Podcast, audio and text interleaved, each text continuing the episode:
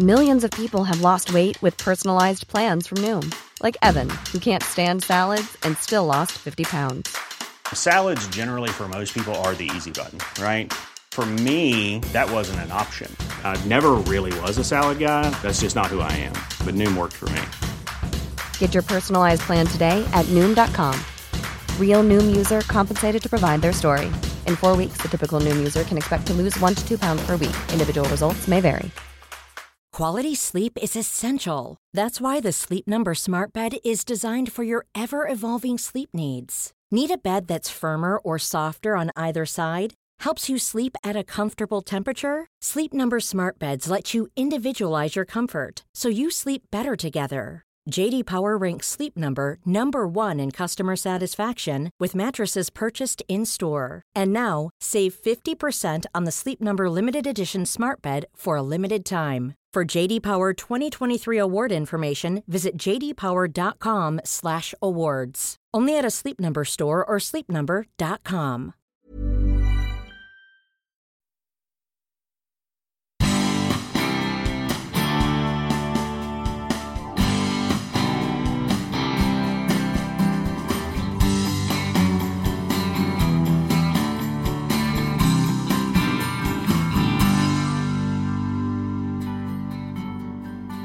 Så ordnade han ett kasino. Hyrde in blackjackbord och körde in i pistmaskinsgaraget som han klädde in med röda tyger på väggarna och liksom satte några gamla däck med ljuskandelaber längst upp och, och, och sen hade han ett kasino. Ja men alltså det, det går inte ens att beskriva hur, hur någon kvinna hade ju råkat ut för att eh, hennes man hade blivit sprängd och en hund hade ätit upp honom. Och de här människorna med de här traumorna, de var bara samlade i en stor hög i skogen. Ja, vilket språk ska vi sjunga på då? Och då sa Edvard då, som bodde där att ja men vi ska sjunga på svenska. Och då var ju vi så här, men hallå. Det bor 500 pers där, det är enda språket i hela världen de inte kan. Ja men just därför. Mitt i den norrländska skogen, närmare bestämt i den nedlagda militärförläggningen Grytan, som blivit flyktingförläggning, träffade Jonas Hagström 500 nyanlända flyktingar. Där startade han den otroliga resan med flyktingkören The Rocking Pots. Thomas Ledins låt Vi är på gång blir den första man lärde sig på svenska.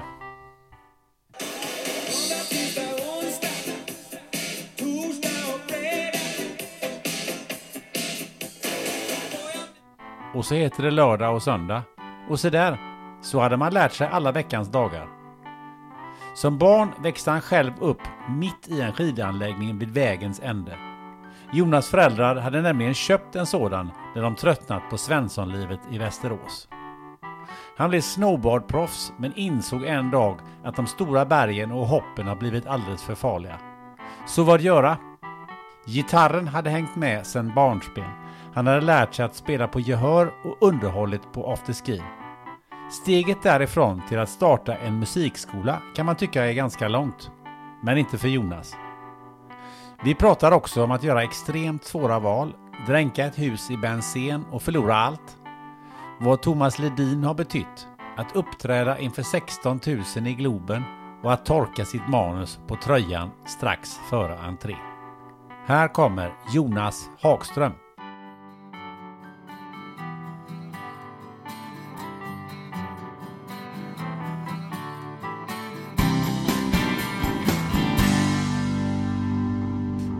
Men det var jättekul nu på nyår. Då var vi ju både på vår dokumentär sändes, Thomas Ledins 70-årskalas sändes och vi var med på God kväll Ja. samma dag. Så var, vi syns ju mycket. Liksom. ja, ja. Men jag, och jag tror att många vet att den här kören, det, det finns en kör, så liksom, man kanske inte vet vad vi heter eller ja, jag tror de var från kanske Östersund. eller- Men det, de vet att det kanske finns många men jag tror inte så många som, ja de heter så här och de håller på med det. Och, Nej, men det var ju ditt, det var ju ditt förlag som eh, sålde in dig. ja, exakt. Ja. Så, att, eh, så det var den vägen. Välkommen till Spännande möten Jonas Hagström. Tack så jättemycket. Du, du sa ja till att göra den här eh, podden, eller vara med i den här podden. Eh, Jag har en känsla av att du säger ja ganska ofta. Ja, ja det gör det ofta. Varför gör du det?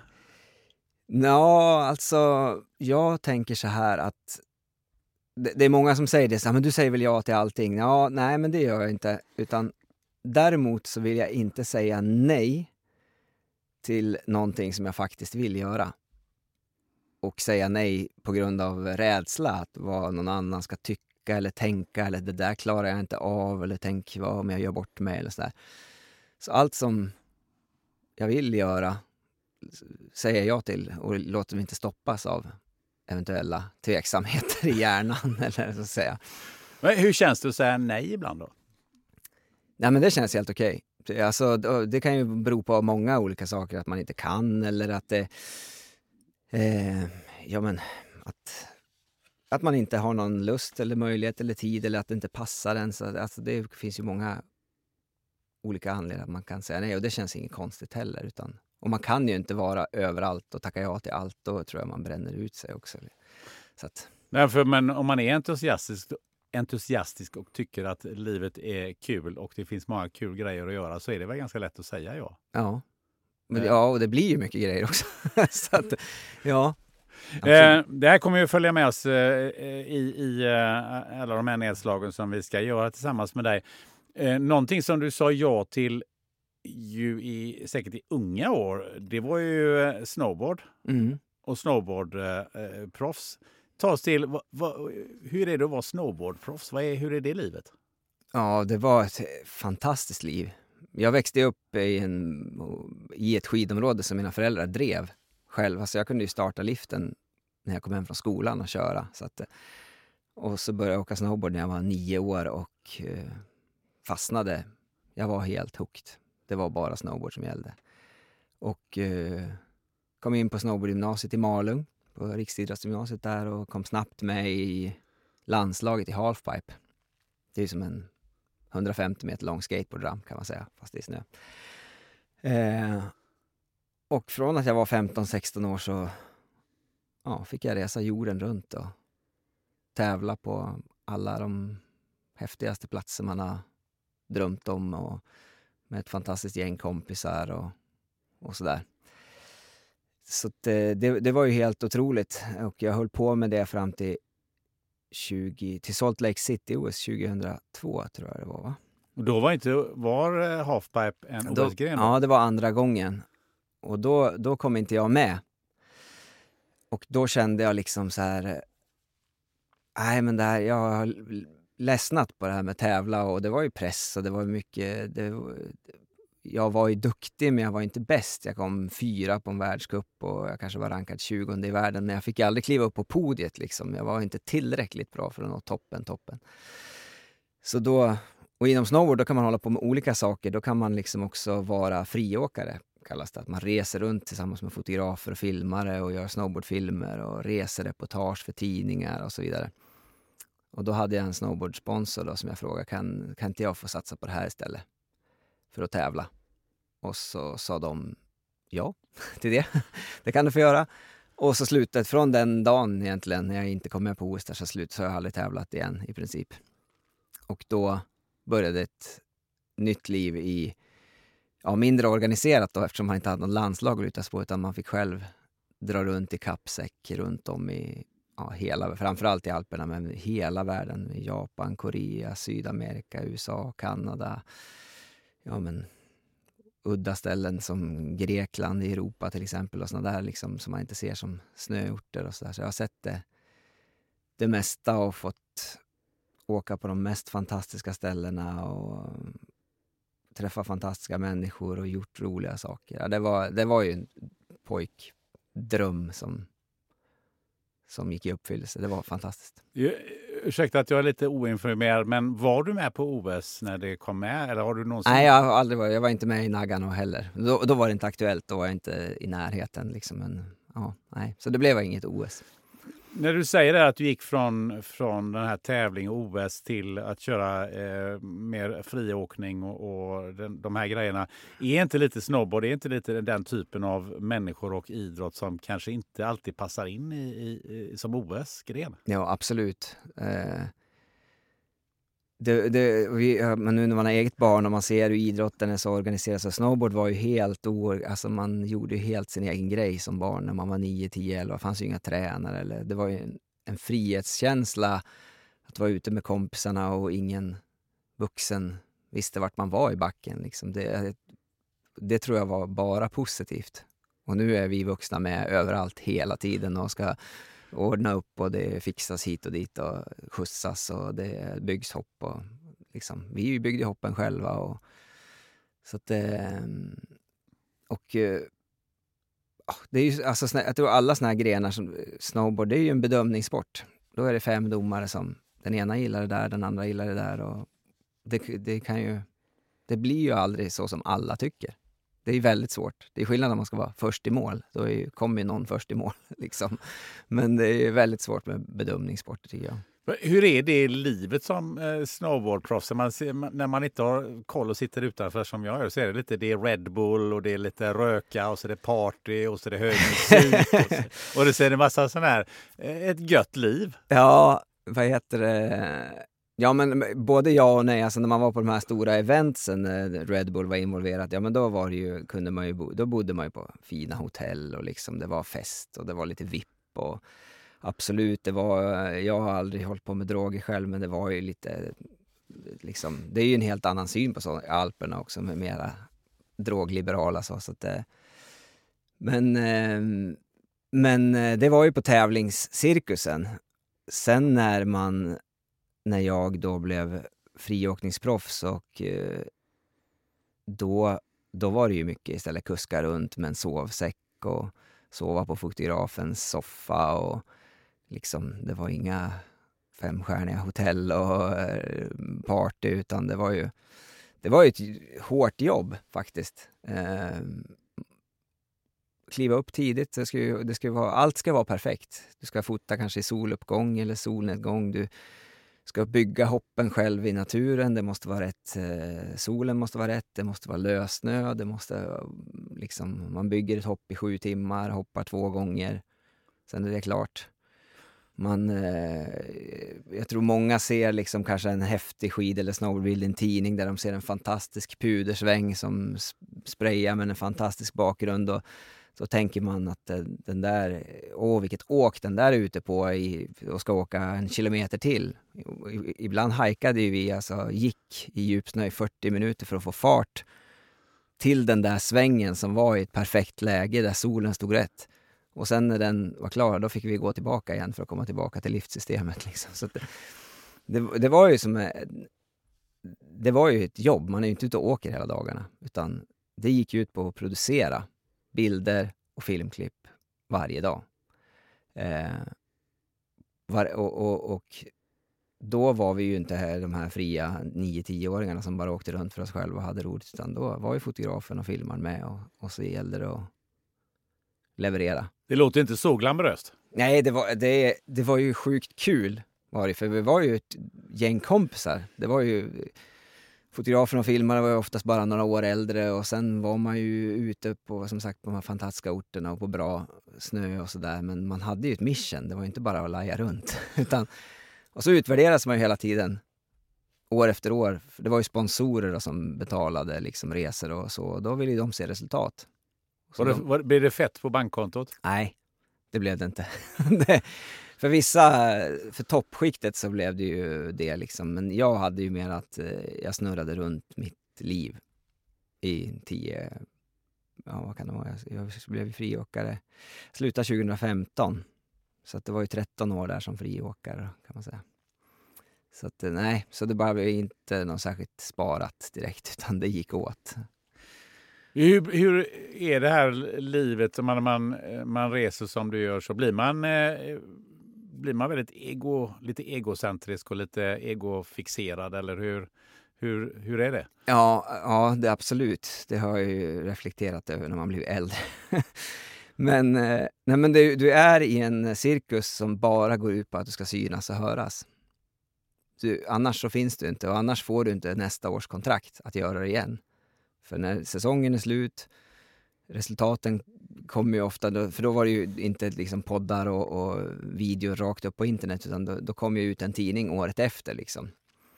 Så eh, då var du tvungen att samla på det och hålla koll på alla de här tidningsklippen runt om i världen och samla ihop en bok och vi träffade dina sponsorer, visade upp det här resultaten och vad man anser att det var värdet av den marknadsförings...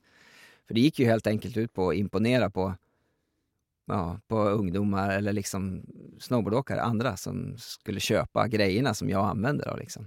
Du sa att du slutade 2015, men det måste ju ändå, sociala medier måste ju ändå ha funnits Jo, då, bra. ja precis. Då var, var ju det igång liksom, men där i början 2002, då var det ju inte så mycket. Liksom. Nu är det ju ett helt annat liv för de som är proffs idag. Då är det ju väldigt mycket fokus på sociala medier och leverera klipp varje dag och, och liksom sådär. Är det bättre idag eller är det jobbigare? Jag tror det, eh, det kan ju vara bättre på så vis att du kan ju vara två kompisar som åker och filmar varandra och gör fantastiska saker. Du kräver inte ha ett helt eh, filmcrew som åker runt och kostar en massa pengar för du liksom har ju professionella kameror som du i näst, nästan i kam, äh, mobilen liksom funkar ju. Eh, men däremot så tror jag det är lite som musik tror jag att det är mycket, det är ju sånt enormt, det blir ju ett enormt brus. Det blir ju, när jag reste runt och, och friåkte, då, då var det ju sponsoren liksom, så, men de här killarna sponsrar vi in i den här stora filmbolagets film. Och eh, vi eh, ser till att de får intervjuer i de största snowboardtidningarna i världen. Och så blev det ett gäng som blev väldigt kända och fick väldigt mycket uppmärksamhet. Eh, och så, ja, men så var det med stora band, alltså med Beatles och liksom Metallica, Guns N' Roses. Det blev ju några stora band. Och nu nu blir det ett enormt brus för alla i sitt eget... Alla har ju möjligheten att producera det här materialet själva. Så som ett eh, band har möjlighet att spela in i garaget liksom, med utrustning. Så jag tror att det... Det var ju väldigt svårt att komma in på min tid i det här toppskiktet. Men var man där, då var det nog lättare att stanna kvar kanske för att det var svårt att ta sig in dit. Men nu så är det så otroligt många som är på enormt hög nivå att ingen syns på sam, lyfts till samma höjder. Liksom. Så, förstår du vad jag menar? Mm. Ja, men, och toppen blir kanske ännu smalare för det kanske finns någon där uppe som ja. är riktigt sådär ja. och, och, får all uppmärksamhet. Precis. Så att, eh... Lite som poddvärlden. Ja, ja. du, eh, men eh, du sa att eh, dina föräldrar hade ett eget skid område. Det låter ju oerhört intressant. Hur, hur, hur kommer det sig? Ja, mina föräldrar de var, bodde i Västerås och var less på ekorrhjulet. Jag jobbade på bank och så här och drömde liksom om ett liv i fjällen som egenföretagare och så där. Och så kollade de på lite olika alternativ. Bland annat var de ner till Kitzbühel och hade kommit överens att köpa en skidhyrning där. Och så blev tåget från Innsbruck till Kitzbühel försenat och när de kom fram var det sålt. Så, så nära var det att vi var österrikare. eh, men, och då hittade de det här stället som heter Gräftovallen i åtta mil utanför Östersund i Jämtland, Oviksfjällen. En, eh, ja, så himla liten by. Vi, eh, blev, när vi flyttade dit blev det 12 invånare och vi var ju fyra. så att, eh, men det, det fanns 500 hus där. Så att det var ju liksom varje helg och alla lov, då var det ju massor med folk där. Men så var det var ju väldigt, eller är, det finns ju kvar, det är, det är ju väldigt litet. Det är ju två sådana här bygel, T-bygelliftar och en liten barnlift. En liten stugby och en restaurang och en butik där, ja, där vägen faktiskt tar slut. Liksom. Man kör tills vägen tar slut och så kommer den här lilla byn. Eh, och det var ju ett grymt annorlunda liv att bo där. Eh, mina föräldrar, de var ju ungefär som i vad heter det, Sällskapsresan, där eh, SOS, liksom den här som eh, byter keps när han ska sälja glass och sälja bensin. Alltså, de var ju allt från pistmaskinsförare till liftkortsförsäljare till eh, liftkorts, eller vad säger jag, lift, stå och jobba i liften till att dra längdspår, till att köra sopor, till att eh, servera i baren, till att laga maten i restaurangen, till att städa restaurangen. Alltså det var ju, de jobbade ju dygnet, sju dagar i veckan, dygnet runt. Så här. Och jag och min brorsa, vi var mitt uppe i allt det där och, och ja, det var ju väldigt, de hade inte tid. så det var ju ett väldigt fritt liv liksom. Så vi åkte ju jättemycket snowboard helt enkelt. Var inte liften öppen när vi kom hem och det var lågsäsong, då slog vi igång den och så körde vi själva. Och, eh, och sen hängde vi på restaurangen till sent på kvällarna och blev om, omhändertagen av gästerna. Sådär, ja. Men köpte de hela byn och alltihopa? Det måste varit oerhört mycket att sköta om. Ja, det var ju sinnessjukt att ta hand om. Alltså, alltså det var 25 uthyrningsstugor var det ju, husvagnsparkering, så hade de ju längdspår och så var det restaurang och butik. Eh, skiduthyrning och allt som tillkommer med det. Butik och liftkortsförsäljning och... Ja, det var ju galet. Hur mycket fick du jobba i det där? Ja, men man fick ju börja när man var 7, 8, 9 år där och stå i liften. och liksom, för det var ju sån där bygelift så då måste man ju... Eh, någon måste ta ner bygeln till, till gästerna ju, och då fick jag stå där. Jag var ju så kort så jag fick ju hoppa liksom för att få tag i den. Så fick man... Så var det inte så bra fjädring heller utan man skulle liksom skjuta på eh, vad heter det, de som skulle iväg för att det inte skulle bli ett enormt ryck när de drog iväg. Ja, just det, det rycket känner man ju igen. Ja, och ibland så var det ju nå, när man var sju, åtta år så stod det 200 kilos gubbar där och skulle åka iväg. Då var det inte så lätt att skjuta på dem lite grann. så att, um, ja, det var... Och så, men vi var liksom tio kompisar så vi, vi stod så här en halvtimme var och sen fick man åka snowboard tre timmar och så stod man en halvtimme till och, och så snurrade det runt. Men hann föräldrarna med er barn eller fick ni liksom växa upp lite som ni själva kände? Nej, de, det, och det är väl nog min mammas stora ångest tror jag i livet fortfarande. Hur lite de liksom...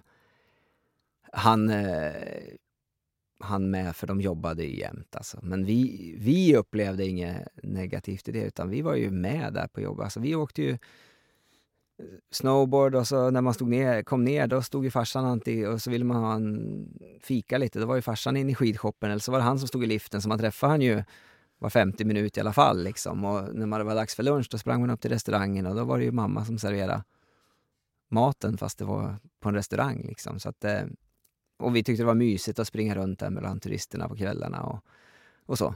Så att eh, jag har inte upplevt något negativt i det men jag tror att framförallt min mamma har ju liksom var det där verkligen värt det. Hon känner nog att hon har missat en del, tror jag. Håller de fortfarande på med, eh, med det här skidområdet? Eller? Nej, nu har de sålt det och är pensionär. Men eh, och skidområdet är fortfarande igång? Alltså, ja. Man kan åka dit? Ja, absolut. Det är numera en del av Bydalsfjällen som är ett lite mer känt skidort. Eh, så, som är lite större. Så tillsammans med dem och någon ort till som har gått ihop så är det kanske 20 liftar. Då. Så det är ganska stort. Du, tillbaka till eh, snowboarden. Eh, någonstans där eh, så måste du väl ha känt att snowboard kanske inte man kan hålla på med hela livet, eller hur, hur tänkte du? Ja, jo absolut. Jag fick ju hålla på, alltså, jag har säkert haft en av de längsta karriärerna i snowboardhistorien, tror jag, faktiskt ändå. Jag åkte på heltid från 98 till 2015.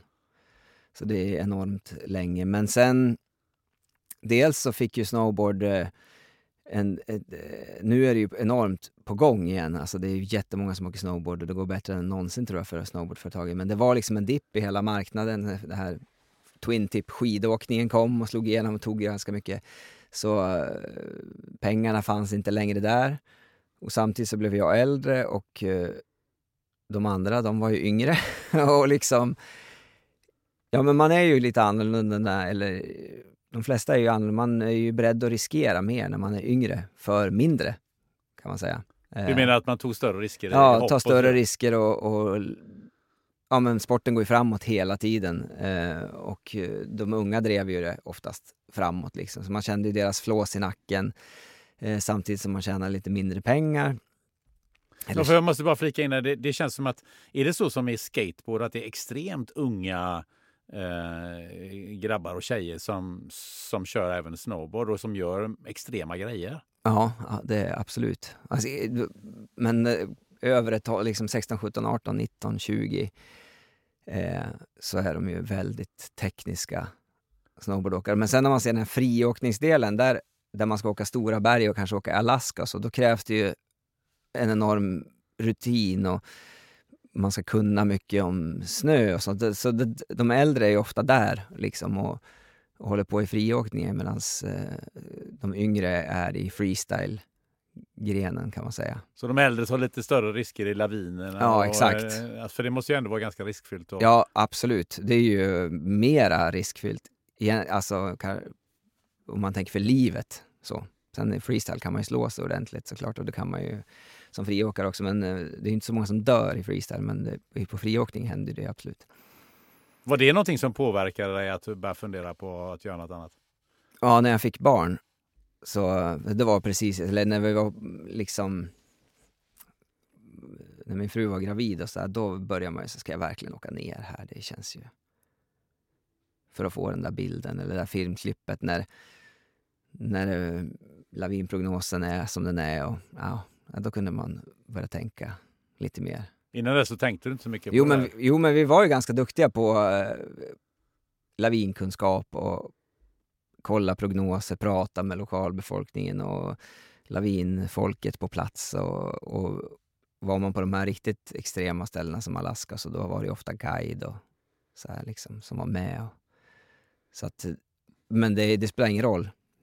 Det finns alltid en risk.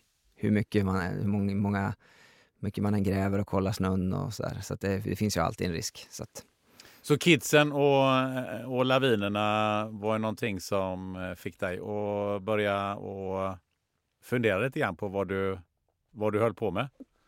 Ja, det och samtidigt så hade jag startat ett företag under karriären som... Eh, ja, men eh, livet går ju liksom, man är intresserad av olika... Plötsligt tyckte jag det var kul. Eller så här, man hade ett företag, det var kul, det ringde i telefonen när man var ute och reste och man fick planera och fixa och dona och, och, och det där började ta lite fart. Vad var det Eh, för företag? det var en musikskola. Ehm, som... ehm, ja, det, det är ju liksom en slump också. Så Jag har ju spelat gitarr hela mitt liv. Eh, och eh, haft gitarr med mig också på snowboardresorna. Överallt spelat och uppträtt med mina sponsorer. Och liksom, så musik har alltid varit en jättestor... Jag spelade på afterskin när jag var 12 år i Grefteval. Redan, liksom. Det också? Ja, så att eh, jag har alltid gillat att spela, sjunga och stå på scen och så. Och eh, sen hade jag lite, det finns ett band i Östersund som är superkänt om man är lite äldre i alla fall, som heter Bröderna Lindqvist. Jag vet inte om du har hört talas om dem? Nej, det har jag inte gjort. Nej. Men du kanske ska fråga mig. ja, de var husband på Nygammalt med Bosse Larsson på Jaha. SVT. Nej, men det, då, då är namnet... Ja. Ja. De är enda folkmusikgruppen som har haft en listetta tror jag på Svensktoppen som heter Viggen. Mm, just det. det nu, nu börjar det trilla ner Ja. eh, 25-åringar. Exakt, och de här gubbarna och deras släkt har spelat en massa musik med. Och då blev det liksom lite allmänt känt i Östersund och där jag bodde då efter jag hade ja, dels... Men du, nygammalt, alltså det låter som att de, de är ju några De generationer ju, över det. ja, de är ju 80, de, nu har ju alla dött utom en. Men då levde två i alla fall. Eh, det här var ju 2010 typ. Eh, så det, nygammalt det var ju slut så länge, men de har ju fortsatt att vara berömda. Och jag spelade med dem där och då, jag hade flyttat till Östersund då, för det är liksom närmsta stad från Gräftvallen efter att jag inte hade bott, jag har bott i Kappsäck i tio år med snowboarden och, och sådär. Eh, så då blev det lite allmänt känt att spela gitarr i Östersund och då började folk fråga sig, ah, men skulle inte du kunna undervisa i gitarr? Kan du komma hem till oss och eller vi skickar hem barnen till dig. Eller, nej, men alltså jag åker ju snowboard på heltid, det går ju inte. Jag kan, jag kan bara spela, jag vet inte varför, jag kan inga noter, eller liksom, varför jag gör det här, det låter bra, eller jag liksom spelar allt på gehör och så. Nej, men, men det sådde ändå ett frö i mig och min frus hjärna så här för att, varför frågar de, finns det ingen kulturskola i Östersund? Och då kollade vi upp det, det finns ju, det, det gjorde det. Men det var 400 barn i kö. 400 barn som ville spela som inte fick göra det. Problem nummer två det var att kulturskolan var för barn mellan 10 och 15 år. Så var det fem år och drömde om att spela gitarr. Då fick du vänta i fem år tills du fick ställa dig i kö. Och kön, det var ju jättepopulärt med gitarr, så då fick du köa i fyra år. Och så fick du spela ett år och sen var du för gammal. Eh, och då, då tänkte jag det här är ju ett problem och min fru hon är ju så här, kommer på mycket idéer och sen är det oftast jag som får genomföra dem till slut i alla fall. Men, ja, men ska vi inte starta en musikskola då? Ja, det kan vi göra. Och vi tänkte inte mer, vi tänkte inget, alltså det, vi hade ju ingen erfarenhet av att driva företag direkt så. Utan eh, vi tänkte mer att det, det, vi ville lösa problemet. Vi tänkte inte så mycket på pengar eller att det skulle bli, någon, att det skulle bli någonting som kunde ta vid efter snowboardkarriären eller så, utan vi löser problemet så att barn får spela helt enkelt. Och sen tänkte jag så här, wow, tänk, det kanske kan betala telefonräkningen eller internet en vacker dag. Och så såg vi liksom, då har man lite mindre kostnader. liksom, så typ. Så hösten 2010 drog vi igång den där Jämtlands musikskola, bara med gitarr. Och alla vi hade berättat den här idén för, surjämtarna. Surjämtarna? Nej då. Men eh, de, eh, det var så här, det där kommer ju aldrig gå. Det fattar ni väl? Varför det? Nej men, eh, ja, det vet jag inte. De... Men du har 400 potentiella elever. Ja, precis. Men det var liksom, nej men det kommer aldrig gå. Folk kommer aldrig, bet- för kulturskolan var ju gratis. Folk kommer inte vilja betala för det där. Och det kom, nej, det, jag vet egentligen inte. Alla var bara, nej, det kommer inte gå. Och så här i efterhand så, så, så skulle man kunna säga att de hade rätt egentligen. för vi skulle ju starta en gitarrskola. Vi kallade det för Jämtlands musikskola, men det var bara gitarr från början, för det var där den stora kön var. Och, och hade vi satt oss ner och räknat på hur många gitarrelever måste vi ha för att täcka lärarlokal och man vill ju ja, marknadsföring och så vill man ju ha en slant i fickan och helst. Då hade vi kommit fram till att vi behövt flera tusen gitarrelever i lilla Östersund. Liksom. Men så tänkte inte vi, utan vi bara tänkte problem måste lösas, vi startar. Och eh, sen började telefonen att ringa och eh, här, då upptäckte jag plötsligt, det här har jag kommit på i efterhand, hur lik min farsa jag var. För där i Gräftevallen, då hade han liksom, han sa ja till allt. Så han, när, när konferensgrupper frågade om det fanns kasino i Gräftevallen, då sa han bara jajamän. Och så kasino? Ja, så ordnade han ett kasino. Hyrde in blackjackbord och körde in i pistmaskinsgaraget som man klädde in med röda tyger på väggarna och liksom satte några gamla däck med ljuskandelaber längst upp och, och, och sen hade han ett kasino. Och, och så, så eh, lösningsfokuserad var mina föräldrar och de liksom eh, byggde folk som ville göra teambuilding, ville laga mat tillsammans. Då liksom hyrde de in åtta spisar och byggde ett kök, och liksom, för det fick inte plats i det köket de hade där i Eftervallen. De, de bara sa ja. Och eh, det var ju helt fantastiskt, för jag växte upp då med att vi, det här stället fick ju ganska stort, bra rykte, så vi hade ju liksom Botswanas premiärminister eller utrikesminister och var på besök. Vi hade Star Wars animationsteam, vi hade eh, någon rådgivare till George Bush, den äldre, när han var president. Så vi var uppkopplade från Vita huset till farsans kontor via satellit. Vi har eh, haft Nobelstiftelsen kom dit med massa Nobelpristagare och Stephen Hawking har till och med varit på konferens i, i, i lilla Gräftvallen. I alla fall, jag växte upp i den miljön och, och då började telefonen ringa till den här musikskolan när vi då hade gitarrelever bara. Och så, så, så, ringde det, kunde det låta så här, ja men hej, jag har hört om er musikskola. Ja, vad roligt, så här, hur kan jag hjälpa dig? Så här, ja men jag har ju en dotter, hon är ju väldigt intresserad av att spela piano. Eh, så jag undrar, har ni inte pianolektioner? Och då hör jag mig själv säga, jo, ja, det har vi. liksom så här. Och sen la jag till, fast de började inte förrän om fyra veckor. Och så hittade vi en pianolärare, startade pianolektioner fyra veckor senare.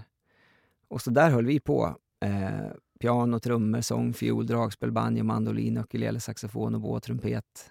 Så plötsligt var det liksom 12 olika instrument och kanske 200 elever istället för de här 12 första vi hade. Och, och sen började vi se på tv, det var körslaget och det var Mamma Mia. För tio år sedan var det kör i Tammerfassen varenda tv-kanal och vi tänkte att körsång verkar vara på tapeten och, och eh, kanske borde starta en sån. Så vi hittade en körledare och satte en Facebook-annons på tusen spänn och sa 25 pers då, då kör vi igång. Och efter tio dagar hade 200 personer anmält sig. och så, det, så bara allting bara, man halkar på det ena bananskalet. Plötsligt var det i den här kören med 200 pers, då var det företagsledare och, och chefer och, och så där, eller egenföretagare som tyckte det här var skitkul, borde man inte kunna göra det här med personalen? Jo, vi kan ju köra körsång på konferensen. Vi kan göra körsång på julfesten. Vi spelar in er med lite mickar grejer så får ni en tryckt julskiva med er hem. Vi kan ju göra körsång på eh, julhandeln på ICA Maxi. Liksom. Vi kan eh, göra körläger och vi, kan ju, vi kom på att körsång var ju avdragsgill friskvård. Aha. Så att företag kan liksom dra av det och, bara man gör det ute på arbetsplatsen. Så fick vi hela Östersunds kommun som kunder, alla 7500 som vill, eh, medarbetare, alla som ville kunde gå gratis i vår kör och kommunen betalade. Så det vart ju ytterligare massor med folk. Och sen när det väl började liksom hjärnan börja rulla på så, så kom vi på, ja men herregud, vi kan ju göra bandcamp med gitarr och piano och bas och trumeleverna får spela rockband och man kan göra rockband med bilda rockband av ledningsgrupper och företag. Man kan åka göra notläsningskurser och vi kom på någonting, vi sa allsång är populärt och after work är populärt, men kör after work, skulle inte det vara kul? Då? Dricka öl och sjunga i kör och käka gott. Och... Jag har aldrig hört talas om det, men när vi gjorde det första gången kom det 700 pers. så liksom, från den här superdåliga idén som vi hade, som de hade ju rätt, jämtarna där. det är inget fel på jämtarna, men det är liksom, en surjämte kan vara så mycket mer. Än, det, det finns surjämtar överallt, om man säger så. Men, eh, men tack vare att vi startade liksom den här dåliga idén så kom ju frågor, kan ni inte göra det här, kan ni inte göra det här, kan ni inte göra Jo, jo, jo. Vi, så vart man som farsan då, liksom, ja men vi gör det där, vi gör det där. Så, så plötsligt så hade vi en helhet som gjorde att både jag och min fru kunde jobba heltid i det här egna företaget, att hon hoppade på det också. Från, från början var det hennes idé och jag liksom drev det. Och hon var delägare, men till slut kunde hon börja jobba där också. Så hade vi liksom åtta timanställda. Men hade man lyssnat på de där surjämtarna, då hade vi ju aldrig startat och liksom aldrig kommit på de här grejerna längs vägen. Så jag tror jättemycket på att det går liksom inte att räkna ut vad saker och ting ska bli, utan man måste börja göra någonting och då händer någonting mer. För det måste ju vara rätt inspirerande för, för andra som, som kanske ska göra något helt annat. Och de där surjämtarna som du säger, de, de finns ju inte bara i Jämtland. Nej, det är ju, de finns ju överallt de här människorna som liksom säger att ingenting, det där kommer ju aldrig gå och du bara slösar din tid och så här. Och, och jag är jag är inte alls någon person som är beredd att ta sig... Jag är väldigt imponerad och, och jag tycker folk är modiga som kanske startar en butik och från dag ett tar på sig en rejäl eh, lokalkostnad och bygger, måste ha mycket pengar för att bygga ett lager och sen... Vi kunde ju starta... Vi startade med 5 000 kronor. Det var liksom ett rum och första månadshyran och så köpte vi en gitarr för 800 och så kör vi, typ så. Eh, så att det, man ska ju absolut tänka sig för att man, innan man liksom bara Ah, jag ska inte lyssna på de andra och så drar man på sig fem miljoner i lån och så kör man iväg och så skiter det sig. Men om man överväger riskerna, vad är det värsta som kan hända egentligen? Om man ser att ja, men det värsta som händer, jag säger upp mig från mitt jobb, eh, jag är sjuksköterska eller jag är ekonom eller någonting så här. Jag satsar på att starta mitt eget eller och jag kommer inte dra på mig så mycket kostnader. Vad är det värsta som kan hända? Ja, men att det kanske skiter sig, jag får leva snålt ett tag och sen kan jag alltid återgå till mitt jobb. För man, jobb hittar ju... Många har ju en yrkeskategori som är väldigt lätt att hitta jobb i och sådär också. Så att jag tror att eh, man måste liksom våga satsa helt enkelt. Vad betyder pengar för dig? Ja... Pengar... Det är en svår fråga. Alltså jag, som företagare så ett företag ska absolut eh, gå ihop sig och man ska kunna leva på det och helst generera lite vinst och sådär. Och eh, tycker jag. För annars är det, liksom, det är ju väldigt många som sliter. Ja, men som mina föräldrar, de tjänade ju inga pengar. Det vart ju liksom ingenting av de här 16 timmar per dygn, 48 veckor om året, liksom sju dagar i veckan. Eh, och då vet jag inte om det är värt det. Så att det, på så vis att man, man ha en stabil att ha en stabil ekonomi tycker jag är, som vi har lyckats få till i vår familj, det, det, det är enorm trygghet tycker jag i alla fall. Att man vet att man kan bo kvar i huset eh, och klara sig någon månad om, om man skulle ha mindre jobb och sådär. Sen eh, drivs jag inte av att man måste liksom... drivs mycket av lust, kul projekt och sådär. Det behöver inte alltid ja, men går det runt och man kan ha himla kul på vägen så, så är det lika mycket värt. Tycker jag. Eh, Varför jag frågar det, eh, det, det är ju många som ser det som ett hinder att du måste få upp en viss inkomst och, och, och därmed också en viss standard som du kanske vill leva efter och så vidare. Mm. För det, det står ju lite i kontrast till att eh, det är klart det är bra att tjäna mycket pengar och ha jäkligt kul men det är ju det är ganska få Ja. eh, förunt. Jag hade lite flyt Many of us have those stubborn pounds that seem impossible to lose, no matter how good we eat or how hard we work out. My solution is PlushCare. PlushCare is a leading telehealth provider with doctors who are there for you day and night to partner with you in your weight loss journey. They can prescribe FDA-approved weight loss medications like Wagovi and Zepbound for those who qualify. Plus, they accept most insurance plans. To get started, visit plushcare.com slash weight loss. That's plushcare.com slash weight loss. Ever catch yourself eating the same flavorless dinner three days in a row? Dreaming of something better? Well, HelloFresh is your guilt-free dream come true, baby. It's me, Gigi Palmer. Let's wake up those taste buds with hot, juicy pecan-crusted chicken or garlic butter shrimp scampi. Mm. Hello Fresh. Stop dreaming of all the delicious possibilities and dig in at HelloFresh.com. Let's get this dinner party started. One size fits all seems like a good idea for clothes until you try them on. Same goes for healthcare. That's why United Healthcare offers flexible, budget friendly coverage for medical, vision, dental, and more. Learn more at uh1.com. med, när jag startade företaget att jag var snowboardproffs samtidigt och inte hade en, för det tog ju tid, alltså jag tror det tog två år innan jag tog ut min första lön och det var 3 500 för skatt. Så att, det var inte mycket. Eh, och det, så det är ju skitsvårt. Men jag hade ju förmånen att snowboardåkare, dels så var vi inte alltid borta, utan, eh, men, och sen hade man mycket dödtid, det var dåligt väder och, eller man kom hem från backen och kunde svara på mejl. Ringde de på dagen, och sa jag att Nej, men jag ursäkta, sitter i ett möte här, kan jag ringa upp i eftermiddag fast egentligen skulle jag hoppa ett hopp.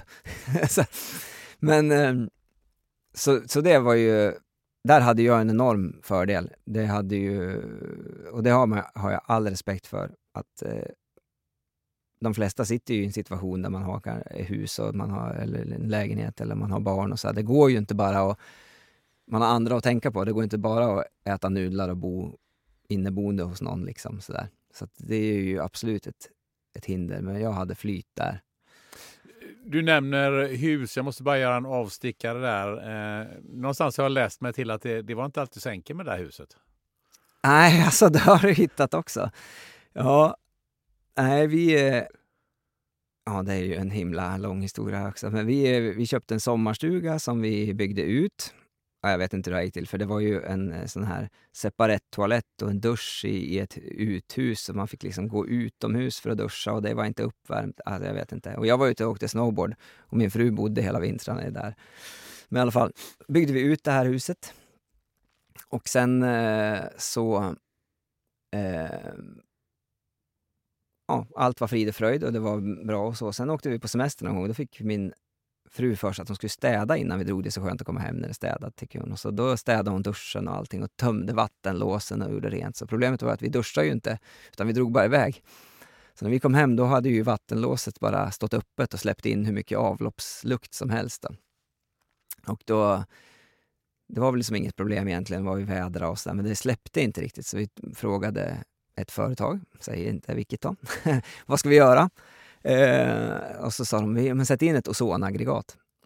Och eh, så, så gjorde vi det. Och när det var klart, då luktade det som en bensinfarmartank där inne. Det gick alltså inte att gå in. Det var, det började rinna i ögonen, tårar, eh, man fick huvudvärk direkt. Och vi fattade ingenting. Och eh, nu är ju, har ju podden begränsad längd, men alltså det som hade hänt som vi lyckades ta reda på tack vare att en, en av våra vänners eh, pappa var är expert på sjuka hus och jobbar här i Stockholm och han kom upp och gjorde lite tester och sådär och så hittade vi att det fanns li, eh, massa farliga ämnen i det. Och så googlade vi på de här farliga ämnena och, och så googlade jag, liksom slog ihop de här farliga ämnena och så skrev jag ozon och sådär. Då, då dök det upp någonting såhär, ozon, ter, eh, eh, ozon, terpen, eh, kemikalisk reaktion. Och då blir tydligen ozon och terpen, som är ett ämne i trä, om du sågar i en eh, trästycke så luktar det ju lite trä så här, och det är terpenerna som luktar. Ozon och terpen tillsammans, det blir bensen och andra farliga ämnen. Och det är det som har hänt i vårt hus. Och eh, ja, efter många om och men, då lyckas vi liksom få det här företaget att fatta att det var det som hade hänt och de tog på sig ansvaret och så skulle, redan, så skulle de sanera huset. Och till slut så hade de rivit allt utom stommen. Tagit bort liksom isolering, allting rivit och det luktar fortfarande. Så det slutade med att vi fick eh, riva hela huset, kasta allt vi äger. För allt luktade. Även alla grejer? alla grejer. Vi slängde allt. Så det var liksom som en total brand kan man säga, fast vi stod där med grejerna i handen. eh, och eh, så var det en lång kamp med försäkringsbolag, deras försäkringsbolag, då, att liksom komma överens om eh, en summa pengar för att skadestånd då, för att kunna riva huset, kasta alla grejer, köpa nya, bygga nytt hus och allt som tillkommer med det. Och så här. Men hur tar man sig igenom en sån grej? Ja, det var, det var jag, vet, alltså, jag vet inte så här i efterhand. Vi köttade på. Vi kämpade hela tiden med det här försäkringsbolaget och komma fram och hitta nya, lösningar. Ja, nu har ni provat sanera på det här sättet. Vad gör vi nu? nu måste vi, det funkar inte. Vi måste sanera på det där sättet. Och så. Eh, ja, det, så det tog ju typ tre år. Tre års tid så levde, flyttade vi mellan fem, sex olika, för vi var ju tvungna att ha tillfälliga boenden hela tiden. Liksom. Och det var ju svårt att hitta något mera permanent och man visste ju inte länge hur det skulle bli. Och... Så vi flyttade runt eh, utan prylar, typ. Och sen eh, så lyckades vi komma överens och så började vi bygga huset och sen var huset klart. Och fem dagar efter det så föddes vår son. Men min fru är helt makalös. Hon är så otroligt handlingskraftig när det kommer till såna här grejer. Alltså. Hon... Ja, vi var ett bra team, men hon framförallt var bra på att förhandla och liksom... Ja, det var ett jäkla slit, helt enkelt. För jag tänker att eh, det är ju en sak att eh, man får till slut få ersättning och så vidare. Men det finns ju också saker och ting som, man, som du uppenbarligen fick slänga som ju var, måste ha varit av mer personligt slag. Ja. Alltså jag fick ju... Vi, det var lite för alla grejer fanns ju. Så... Men de skulle ju förstöras, för man kan ju inte bara kasta. Jag hade ju såna här eh, fina elgitarrer och grejer. Liksom. Du kan ju inte kasta på tippen, de kommer ju plocka upp dem. Så att det, det var ett, ett företag, så vi fick stå och titta på, försäkringsbolaget tittade på medans tio stycken från en flyttfirma sågade sönder allting och liksom, det gjorde det i delar, gjorde allt obrukbart. Hela skivsam... Alltså, se- man hade ju CD, CD-ställ på den tiden. Så här, allt... Eh, Eh, ja, till slut så bara drog vi, vi orkade inte se det där, men den här stackars försäkringspersonen ville ju se att allting förstördes, då, så hon fick ju stå och titta där. Eh, men det lustiga är att vi saknar ingenting. Det är så? Ingenting. Alltså, min fru kan tycka så att det var tråkigt för hon hade eh, masdräkt och kulldräkt från sina mormors mormor eller någonting, för hon är från Dalarna. Såna här knätofsar och grejer, du vet. Och de är ju, det går ju inte att ersätta gammelmormors kulldräkt liksom. Men det är väl en, och hon är inte nostalgisk och gråter över det, men liksom det är så här, fasen, det var ju, det var ju sjukt synd. Men annars... På något underligt sätt så kan, var det till och med en befrielse med vissa. Alltså man blev av med en massa grejer, kunde börja upp och hade mindre saker. På något konstigt sätt. Så vi har aldrig saknat det, liksom. Men det roliga sen är att vi, vi byggde ett jättefint hus och vi hade köpt en sommarstuga den här och den, det var ju stället, läget vi köpte för det var ju strand och brygga och bastu och grejer och, ju, och så byggde vi det här nya fina huset. Och sen efter tre år då kommer min fru hem och säger du jag har kanske sålt huset. Va? ja, och jag var exakt min reaktion. Va?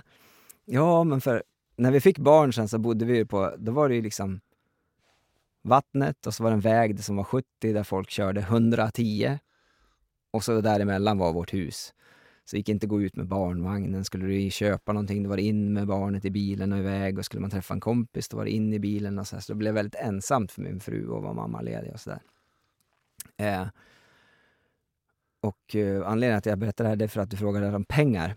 Eh, så, så, och då var det några som drömde om det här läget då, som liksom kom dit och tittade och så la de ett bud och vi sa bara ja okej, okay, men vi har ingenstans att flytta. Så att, ja men ni får ett år på er att flytta också, det är lugnt. Så. Och så tog vi det och jag var ju så himla, äh, less alltså. Jag ville ju inte det här egentligen, men jag förstod för hon mådde inte bra där liksom med det här lilla barnet och sitta där själv mycket. Jag flängde runt mycket. Eh, så att det, det, ja, jag fick ta det helt enkelt. Och så så vände vi totalt. Från att bo på det här fina så tittade vi inte på Östersund, vi tittade på ett ställe som heter Brunflo. Eh, där vi upptäckte att ja, men där kostar ju husen bara en och en halv miljon istället för sex miljoner. Och, och så till slut så köpte vi, för att göra en lång historia kort, så köpte vi ett, ett tvåfamiljshus. Så att idag så hyr vi, så har vi ett stort hus eh, med, som var billigt, för det låg på det här stället Brunflo som folk, som är bästa stället i hela världen tycker vi nu, men som av anledning så finns det alltid ställen i varje stad som folk tycker att där, det är ett dåligt ställe. Men de har kanske aldrig varit där. Och Brunflo är ett sånt, fast det är fantastiskt. Och så, så nu bor vi i två familjshus där och så hyr vi ut en del av huset. Eh, och när du pratar om pengar så, så vi har försatt oss i en situation också där vi, det krävs inte så mycket i vårt liv. Och det är en enorm frihet. Det är väl lite där eh, poängen eh, ligger för, för att sluta den cirkeln just där att, att, man inte, att man inte har massa grejer som kostar massa pengar. Nej. Alltså har man två dyra bilar, ett stort hus och som, som slukar allt och, och blir någon sjuk eller får sluta sitt jobb så är det kört liksom. Det tror jag det måste vara en enorm press och, och jag rekommenderar alla att downsiza och, och ha låga utgifter. Det är fantastiskt. Jonas, vi, jag tycker vi tar oss tillbaka till musiken. Ja. För det är ändå på något sätt en, en, en kärnpunkt i, i, eh, i den här historien eh, som vi håller på och eh, formar, eller som du har eh, format. Um, Eh, vad var nästa steg i den här eh, musikskolan, den här utvecklingen? För nu har du skapat en, en massa eh, körsång och, och massa grejer. Det, det måste ju ändå ha varit så att det här bolaget måste ha börjat eh, växa rejält och, och eh, skapa massa omkostnader och, och, och, arbete som administration och så vidare. Ja, precis.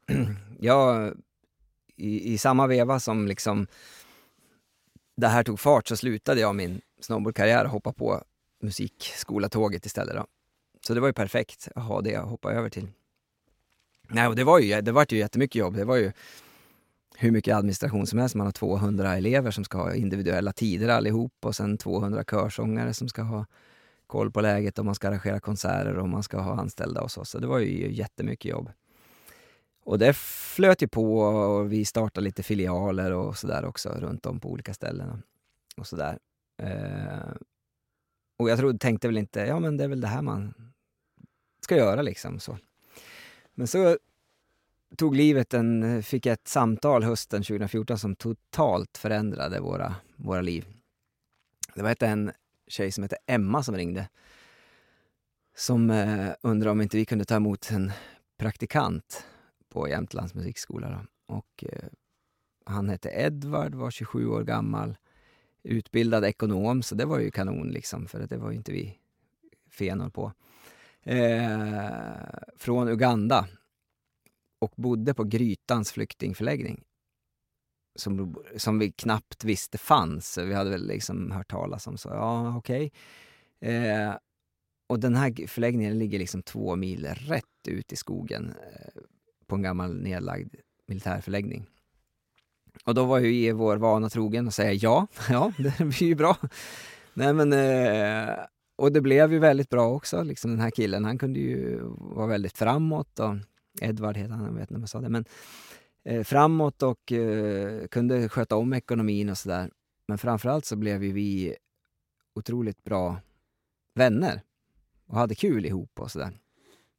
Och jag kände hur jag jag var ofta, i, I början var jag ofta stressad när han skulle komma till kontoret. Åh, nu just det, idag kommer Edvard för han jobbar bara en dag. Och, och, det blir så här, jag har inte tid egentligen med honom. Och... Men sen när han kom, då fann jag ett lugn i mig själv som jag sällan fann. För jag kom på plötsligt, men vad, vad kan vara viktigare än just det här, just nu då? Att man hjälper en som inte har någonting kvar, liksom, som är här ensam i det här landet. Så jag märkte att jag mådde bra av att vara med honom. Så. Och vi blev kompisar och, och gick på fotboll och åkte till fjällen och, och han var hem till oss och käkade och grejer. Och sen, och sen åkte vi naturligtvis hem till honom då. För första gången i våra liv ut till den här flyktingförläggningen. Och där ute i skogen, liksom, ja, som sagt två mil ut, där, där var, vi slogs, det bara slog över oss där. Herregud, vi mötte 500 pers. Som vi knappt visste fanns, eller att de var så många vars dagar det var liksom... Ja, de var ju oroade, deprimerade, rädda och det enda som fanns att göra det var ju att äta, sova och vara på internet. Och vi fick ju ta del av... Ja, det var ju, ju mer vi kom dit så lärde vi känna kompisar till honom och, och liksom de berättade hur... Ja men alltså det går inte ens att beskriva hur, hur någon kvinna hade ju råkat ut för att eh, hennes man hade blivit sprängd och en hund hade ätit upp honom. Människor hade tappat sina barns händer och sett dem sjunka ner i Medelhavet. Liksom. Och de här människorna med de här traumorna, de var bara samlade i en stor hög i skogen. Eh, och vi vart ju så superberörda av det här. Och eh, så vi kände så vi vill ju bli, vi, vad kan, vi, kan vi göra något mer? Så där. Och det är svårt att ta emot 500 praktikanter på tvåmansföretaget. Men eh, och då föddes tanken att vi borde starta en kör här ute. För den här Emma som hade eh, kontaktat oss, hon höll igång lite fotbollsträningar och sådär och, och, och, sånt. Eh, där ute. Och vi frågade henne, vad tror du om man skulle starta en kör här? Ja, men det är en jättebra idé. Och vi pratade med Edvard, praktikanten. Han tyckte också det var en jättebra idé för det är så bra för hälsan och så. Så jag och min fru bara, ja men vi, vi kör. Yes. Eh, och eh, så kom vi på att vi måste ha en körledare. För att vi kan inte leda kör själv. Så vi frågade den som ledde våra musikskolas om hon var intresserad. Och det var hon ju, men vi insåg ju snabbt att så här ska man... Vi brinner ju för det här och vill göra det ideellt och ställa upp, men vi ska ju ändå kräva av henne att utföra sitt yrke så. Vi måste ju arvodera henne på något sätt. Och, så där. Så att, eh, och det är ju hur får man pengar då när man är liksom en privatperson som vill göra något ideellt? Det är ju omöjligt i princip. Utan då ska man vara förening med styrelsestadgar och medlemmar och allt. Liksom.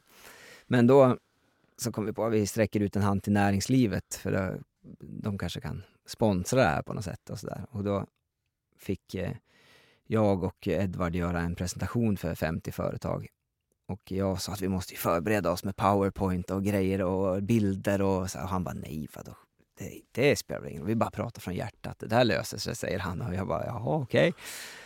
Och sen så skulle vi prata sex minuter och han skulle prata tre efter. Först jag tre och sen han tre. Och, men han efter 40 sekunder, då orkade inte han lyssna på mig mer. Då kom han fram och tog över.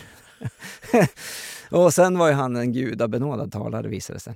De berättade om livet på Uganda och flykten och varför livet på Grytans flyktingförläggning och varför en kör skulle vara så himla bra för de boende där. Och när han var klar då hade alla kapitulerat. Alla grät. Alla de här företagen grät. Och så ställde de sig upp. Det är klart vi ska vara med på det här. Och sen spände de ögonen i de andra om de inte ställde sig upp. Eller hur? Ja, ja, ja, ja, absolut, säger de.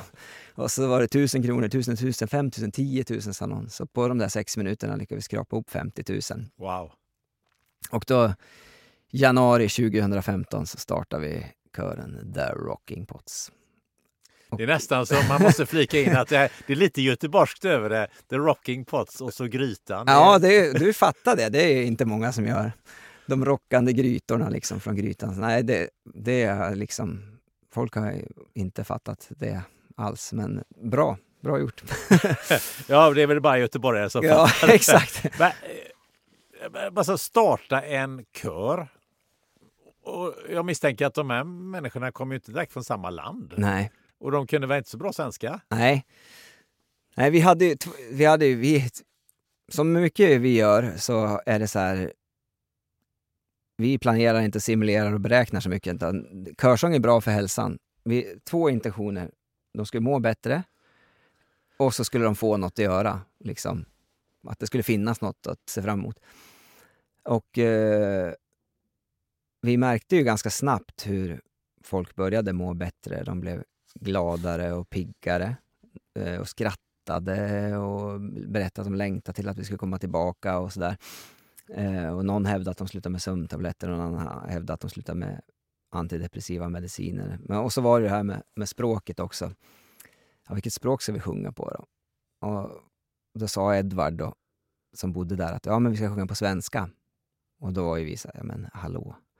Det bor 500 pers där, det är enda språket i hela världen de inte kan. Ja, men just därför, sa han. Jaha.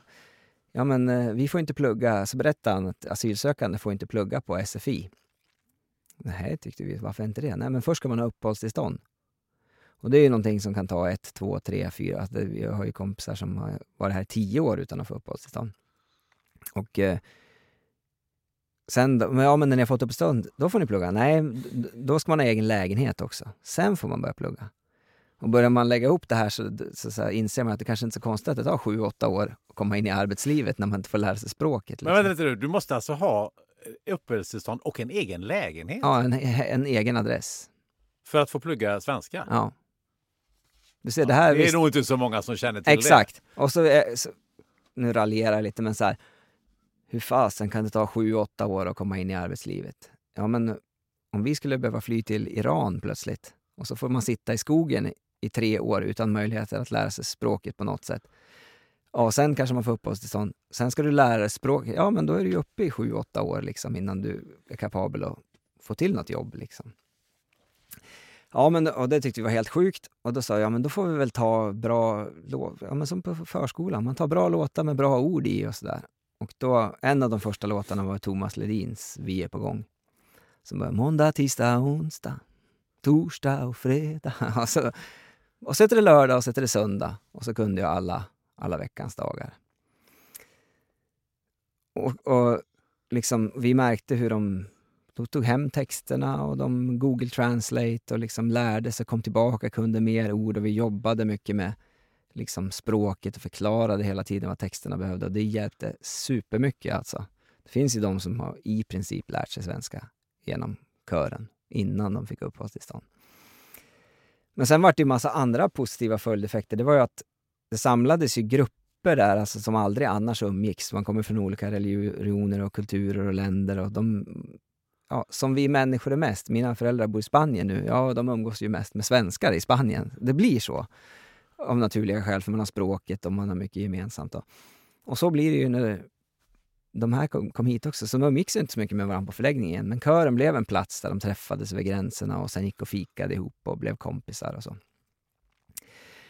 Och sen fick vi ut svenskar till kören som också de fick den här upplevelsen av att åh herregud, här bor de här och de är flyktingar men de är, oj, de är också människor med drömmar och visioner och eh, humor och liksom, vi har mycket gemensamt. Då. Men sen det stora vi kom på, det var att men herregud, vi har ju de här 200 sångarna i musikskolans kör och det är samma körledare. Varför ska inte de här träffas? Så att eh, då tänkte vi, ja, men det är klart de ska göra det. Och, och två, då övade vi på samma låtar då, på våra olika tillfällen. Men två till tre tillfällen per termin så slog vi ihop dem och övade och hade sen konsert. Och då blev vi liksom 300 pers som sjöng och dansade och hade roligt ihop. Och då plötsligt, efter de här repen och konserterna, så då såg vi hur svenska kördeltagare la upp bilder på Facebook från Åre eller från fotbollsmatcher där de hade tagit med liksom sina nyfunna eh, vänner från flyktingförläggningen. Och, så utan vår inblandning så blev det liksom att nätverk skapades. Vi skapade bara en plattform och där möttes de och så började snacka och så började man umgås och så plötsligt så upptäckte de att här var ju en bagare. Ja, men du, jag kan fixa praktik till dig här. Och så plötsligt hade de praktikplats. Någon fick boende, någon fick jobb till och med. Liksom av de här eh, nätverken som uppstod. Så det blev snabbt superfina effekter som vi inte hade räknat med eller tänkt på. och sen så, eh, du sa, du nämnde Thomas eh, Ledin. Ja, Eh, hur, hur kom han in i det här eh, sen? För någonstans Ja, har, ja. har jag ju läst, för du, du har ju, det vi ska säga du, du har ju eh, skrivit en bok ja, om det här. Precis, ja. Eh, som heter Vi är vårt land. ja. Eh, och, och har läst delar av den, men hur, hur, hur kom Thomas Ledin in i det här? Förutom att, att ni sjöng hans Ja, det, var ju, det är ju det som är hela slumpen i hela den här historien. Att vi valde just den låten, eller att körledaren valde den låten. För vi sjöng den då, då på en konsert och det hade gått himla bra. Och då säger någon tant i kören där, ja Thomas Ledin han kommer på Storskyran i sommar. Det är ju Stadsfestivalen i Östersund. Jaha, vad kul, då måste vi gå dit och kolla, säger jag. Med kören då, så, så ser de ju hur stor han är och liksom, kanske kör vi är på gång. Och så säger körledaren som är den körledaren vi hade då som är lite wild and crazy, lite rolig. Eh, hon bara, vadå kolla på Thomas Ledin, vi måste ju sjunga med honom såklart. ja, eller hur, säger jag. Fast man är uppväxt med farsan så var man lite skeptisk. Så, nej men det, det, ja, ja. ja, tänkte inte mer på det just då. Men i samma veva, bara några minuter senare, då kommer en man som säger, men ursäkta, jag överhörde vad ni sa, vet ni vad, jag har faktiskt Thomas Ledins nummer. Vill ni ha det? Ja, det vill vi. Och då tog körledaren, modig som hon är, och ringde till Thomas och eh, berättade vad vi höll på med. Att vi blev gladare och piggare och fick vänskaper och lärde oss språket genom hans musik. Och, ja, frågade bara rakt upp och ner, nu, vi undrar om vi får uppträda med dig. Och då, han sa ja. Det är ganska fantastiskt. Ja, helt otroligt. Och, så det här var ju augusti, vi startade i januari där, och i augusti, första helgen i, eller sista helgen i juli, så sjöng vi inför 15 000 pers med Thomas Ledin. Och det var ju en enorm upplevelse såklart som band samman de här, för då, då körde vi med svenskar och, och nyanlända för att det skapar ju de fick ju vara med om någonting som aldrig de kommer glömma och vilka som var med och det binder ju samman de här människorna. Så det finns en tanke med att ha svenskar med, liksom är viktigt.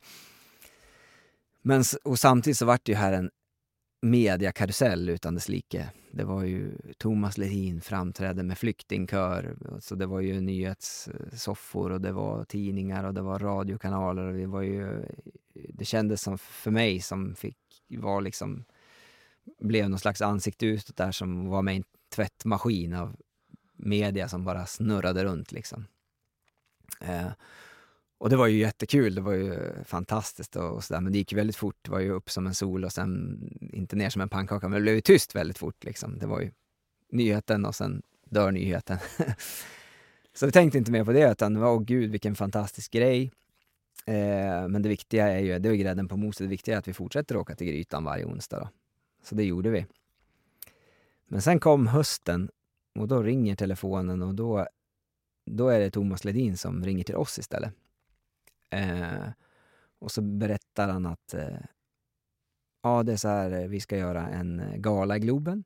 Vi är 60 artister som har gått ihop. Det är Hela Sverige skramlar ska det heta. Vi ska samla pengar till UNHCR och jag ska avsluta hela liksom konserten i duett med Sabina Dumba och så skulle det vara kul om ni var med. Okej. ja, klart vi är med. Så, ja, vad kul, säger han. Ja, vad glad jag blir. Och så här, ja, det är en grej, så här, vi ska köra en annan låt. Ja, ja, men det är väl lugnt. Bra, det är på tisdag, säger han.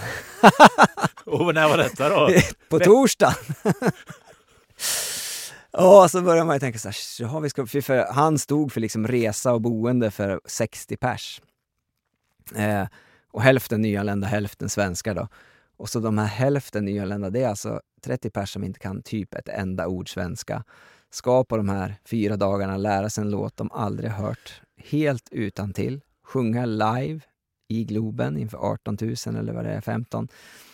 Och sen så ska det ju samlas in pengar så det ska ju tv-sändas också. Och det här var ju liksom, alla sluter upp. Så det var ju typ på ettan, tvåan, trean, fyran, femman, sexan, sjuan, åttan, nian och Aftonbladet, Expressen och Svenska Dagbladet TV och allting. Och så, så här, ja, vart kan det möjligtvis gå fel någonstans? Men det är klart vi kommer. Och det, vi åkte dit. och det gick bra. men, men, hur lyckades du? Det var jag väldigt nyfiken på, på så kort tid. Ja, men kör är ju lite så här, eh, vi tränade ju som dårar liksom. Och så sjunger man ju inte hela texten för Thomas sjunger själv utan man kanske oa, eller man ostämma och sen kanske man ska kunna refrängen. Så man kapar ju ner det så det blir så lätt som möjligt. Och sen när man mickar en kör, då står, jag tror vi hade handmickar, så delar man mick eh, tre personer kanske, men någon måste ju hålla i den och då får man kanske toppa laget lite när man, vem som faktiskt ska hålla i den och sådär. Eh, för vi hade ju många duktiga svenska sångare, och, eller också utlandsfödda, som var väldigt duktiga. Liksom, så att, men det är ju det som är fint med Thomas också, att det, både han och vi, det är inte det, det är inte det som är det viktiga. Liksom. Vi är ju lite skeva och det är lite, skaver lite här och där när vi sjunger, men det är upplevelsen, det vi gör tillsammans och, och när folk ser oss ihop, då förbiser man allt det där att det inte låter perfekt. Liksom. Det här är ju en fantastisk eh, historia. Det finns ju oerhört mycket mer att eh, berätta om den. Det lär vi ju inte hinna i, den här, eh, i det här avsnittet. Ska vi göra en ganska, eh, flera stycken avsnitt eller en ganska lång eh, podd. Eh, och det kan man sagt var läsa i Vi är vårt land. Men, men vi ska ju hänga kvar i, i kören och eh, den här grejen. För det finns ju också, eh, kan jag tänka mig, historier här som att det, det alla får inte stanna. Du sa själv här, man har inte uppehållstillstånd och så vidare. Hur, hur, hur hanterade du det?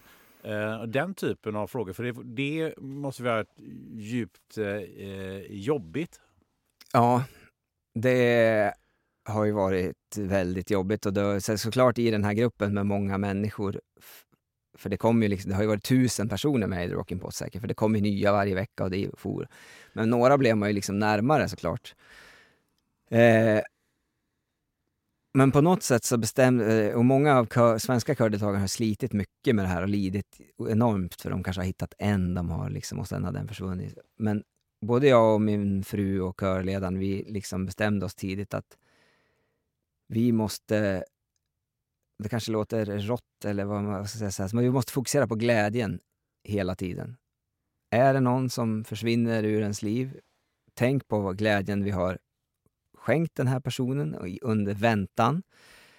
Tänk på de människorna som är kvar. Vad kan vi göra för dem? Och tänk på Hashir som nu har gått igenom, varit med oss, som nu jobbar på Kronofogden och har gift sig och har ett barn och liksom snackar svenska. Och, eh, fokusera hela tiden på det positiva. För skulle vi ha grävt ner oss, eller liksom som man, ja, som man naturligtvis lätt gör, i varje person som försvann ur, sitt, ur vårt liv, då hade vi inte kunnat fortsätta. Utan det är viktigare liksom att vi kan hålla igång det här än att vi... För om vi blir förstörda inombords, då hjälper vi ingen längre heller. Nej, och eh, det leder mig också till att fundera över eh, blir det inte lite så att man, man gärna vill ta hand om alla? Jo, uh, no, alltså, det var en svår fråga. Jag, jag tänker, vi, ni hade, det, det, var 500 där ute, ni fick höra mängder med mm. historier. Eh, ni kanske kände att ja, men, bara den här skulle kunna bo hemma hos oss och ja. bättre. Alltså det här att det, att det på något sätt eh, blir att eh, skulle jag kunna tänka mig att det finns en risk att det blir övermäktigt också. Mm. man, försöker, man försöker göra för mycket. Kan det vara, var, var det ja, så? No, nej, det, vi, vi, vi, var ganska duktiga på att nu kommer vi ut i grytan, nog för att man hängde kvar och snackade. Lite, men så, så kör vi vår grej, järnet. 100% glädje en stund och sen liksom... Eh, så, men eh, ja, det var en jättesvår fråga. Men så man ville liksom inte ta hand om alla. Det, den känslan fick jag inte. Det var ju omöjligt. Men det, däremot så hände det ju, och det var, jag tror att många är rädda för att, att engagera sig just för det. Liksom, att man tror man ger lillfingret så tar de hela handen och sen vill de bo hemma och sen, och sen ska man hjälpa dem med... Eh, att, men så blev det inte heller. Det var ju väldigt få, som, ingen nästan, som, som, som kan inte du hjälpa mig med mitt case eller kan du, utan det blev inte så.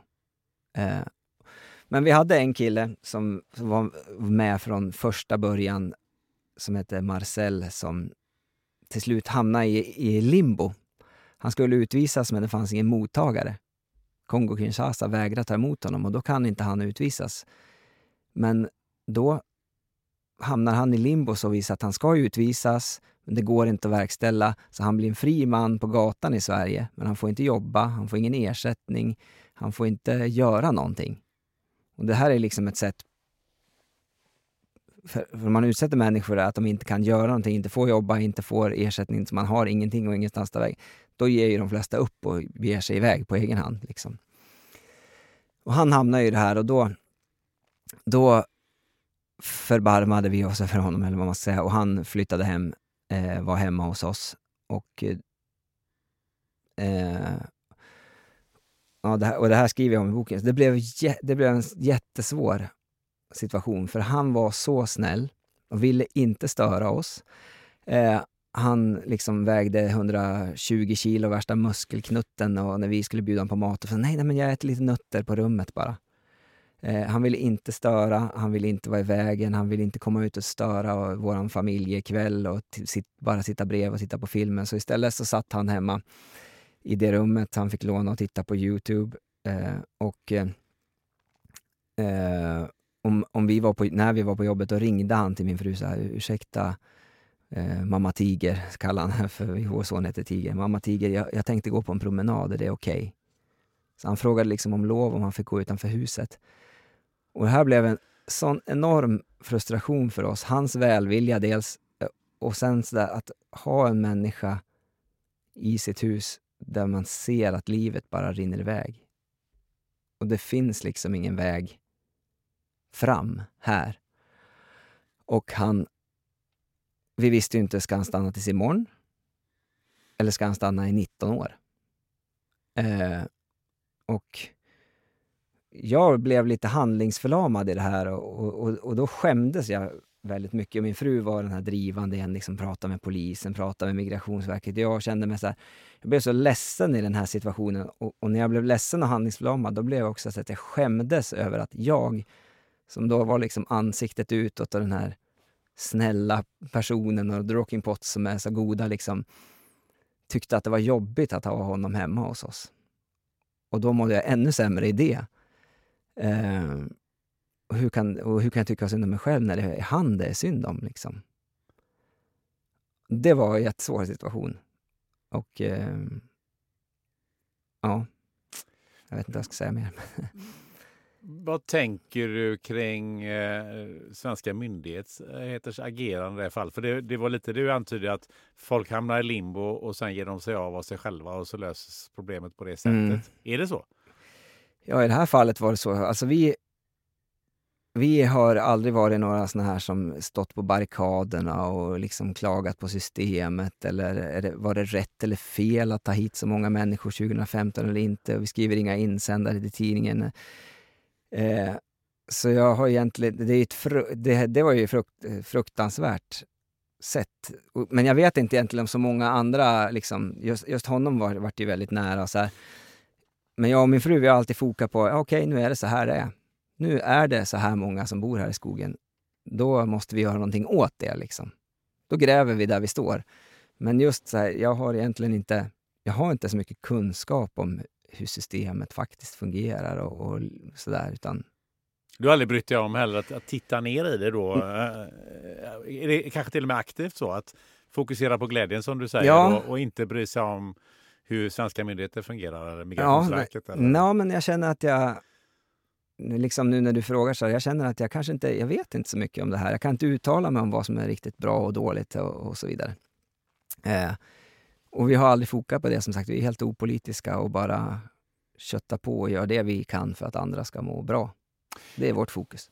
En annan sak som, mm. eh, som jag funderat på i den här historien, det är ju media då. Du var redan inne på det. Det blev en jättehype mm. och sen var det tyst och sen har det ändå varit en hel del media. Vilken risk eh, skulle möjligtvis kunna sätta att man också blir utnyttjad av media? Det vill säga att media friserar till lite grann. Här skulle vi behöva en flyktingkör. Det här ser bra ja. ut. Och, och, lite åt det hållet. Ja, nej men eh, jag har inte upplevt det så. Vi har ju fått göra enormt mycket, som, alltså, vi har sjungit med Niklas Strömstedt och Weeping Willows, Magnus Carlsson och Jon Henrik Fjällgren och varit med på Eurovision och gjort föreställningar på Oscarsteatern, tv-dokumentärer, Talang. Det har ju hänt. Det har ju varit helt galet liksom. Men det är två saker. Dels det där, det har jag inte tänkt så mycket på för jag har inte upplevt det. Eh, nej, jag har liksom, de, alla tv-kanaler och, och liksom journalister och, och, så, de har liksom varit genuint nyfikna tycker jag och speglat eh, oss på ett väldigt fint och bra sätt. Och, och, vi hade en dokumentär på TV4 där producenten gjorde ett superjobb, fattade precis och liksom inget så här Åh, det här, vi måste spetsa till det här eller det måste vara någon intrig utan, eller liksom sådär utan nej, det ehm, jag tycker att det har gått bra. Och sen en annan sak som jag reflekterar över, som många frågar, så har det inte varit massa hat och hot och folk som tyckt, men ingenting, typ. Det kan ju vara någon som skriver så här, ska ni inte göra någonting för våra pensionärer också? Ungefär. Vart sjunde år. Men... Eh, och det är jag också lite förvånad över, att man inte har liksom fått något, några sådana aggressiva grejer. Vad tror du det beror på? Nej, jag vet inte. Jag tror det är inte så mycket att ogilla, även om man tycker man kanske inte sympatiserar som oss, man kanske tycker att flyktingarna eller de här människorna inte borde vara i Sverige. Så på något vis så hjälper vi även de som tycker så, för att vi hjälper ändå till att få in människor i samhället och på så vis eh, får ett lite bättre samhälle. Så jag, jag, jag, vet inte. Råkade du någonstans ut för att det fanns väldigt eh, de här missuppfattningar om, om eh, eh, de som faktiskt eh, bodde där ute? För det, det jag kan tänka mig att det finns många som har uppfattning om människor som bor på flyktingförläggningar, men de har aldrig varit på en flyktingförläggning någonsin. Nej, nej, alltså man det är det som är så konstigt att ju, ju, längre ifrån man är den här gruppen desto räddare är man för dem. Liksom. Eh, men det beror, ju, det beror ju helt på okunskap. Liksom. Att det, det, är ju helt vanliga människor som var där ute. Det var ju... Det kunde lika gärna varit du och jag om vi hade bott, liksom om Sverige hade varit ett osäkert land. Det är människor som... Eh, och vi alla människor är ju himla lika. Vi drömmer om ett liv i frihet där vi kan jobba, ha barn, familj, ha kul, meningsfull fritid. Vi är ju väldigt lika varandra. Liksom.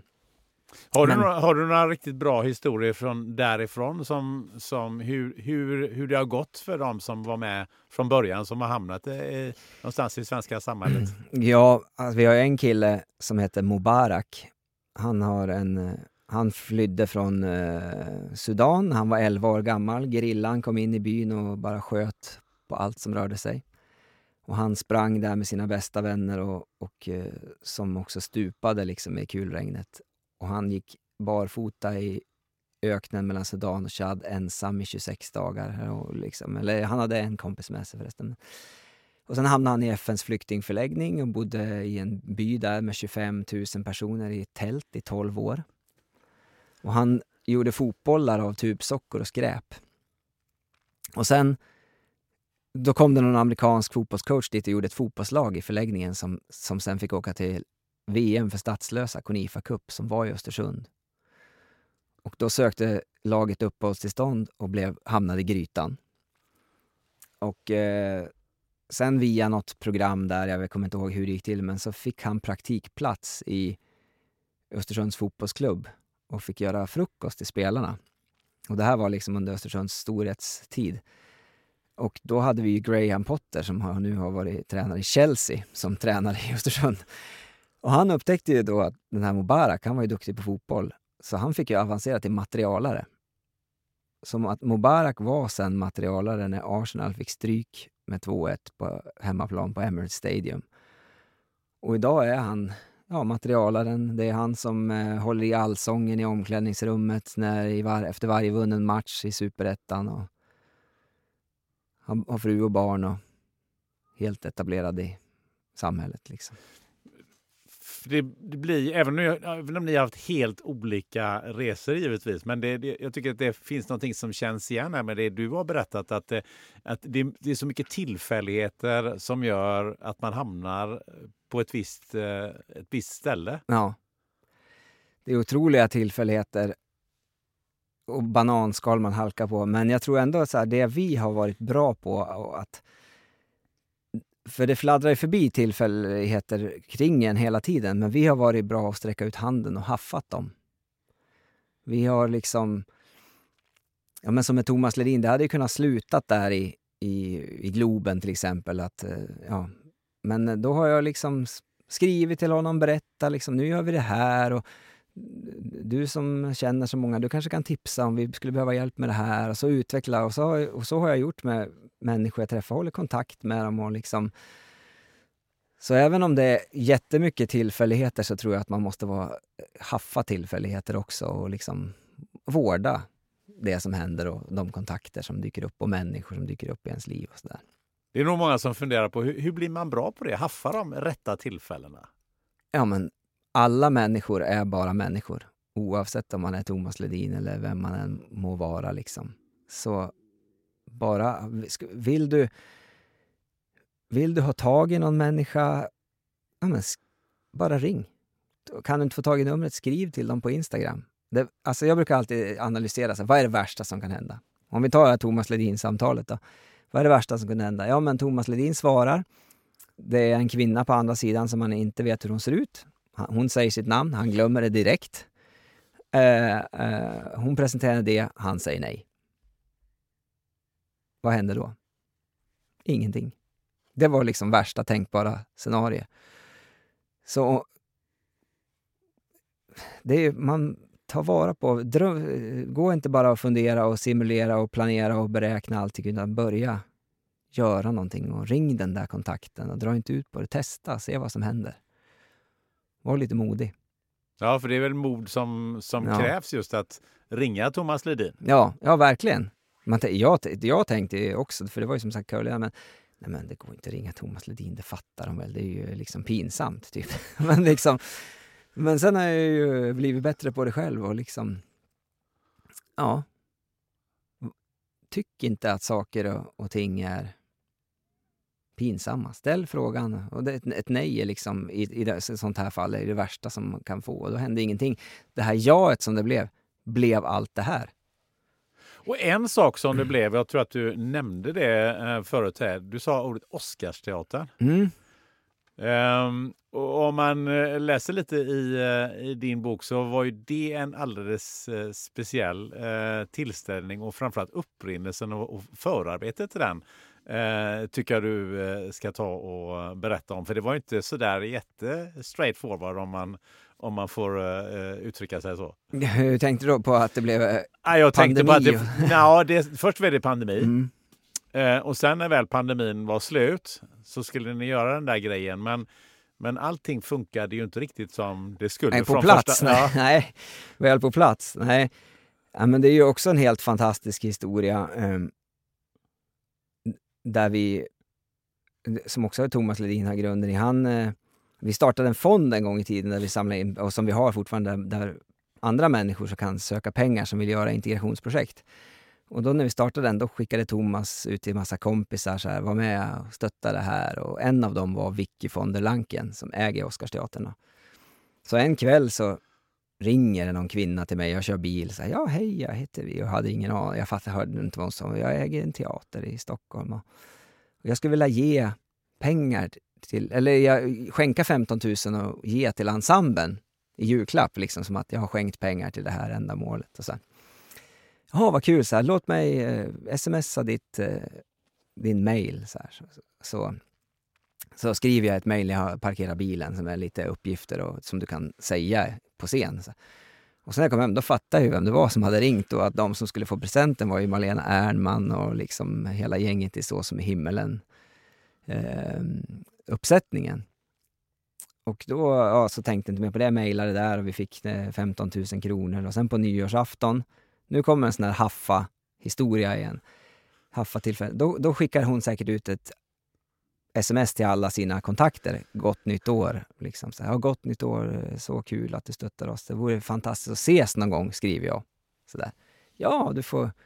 Det är klart vi ska göra det, säger hon. Och liksom, kom till Oscarsteatern, hör av dig. Ja, så då, ja, då gör jag det. då hör jag med, hej Vicky, det vore så kul att träffas.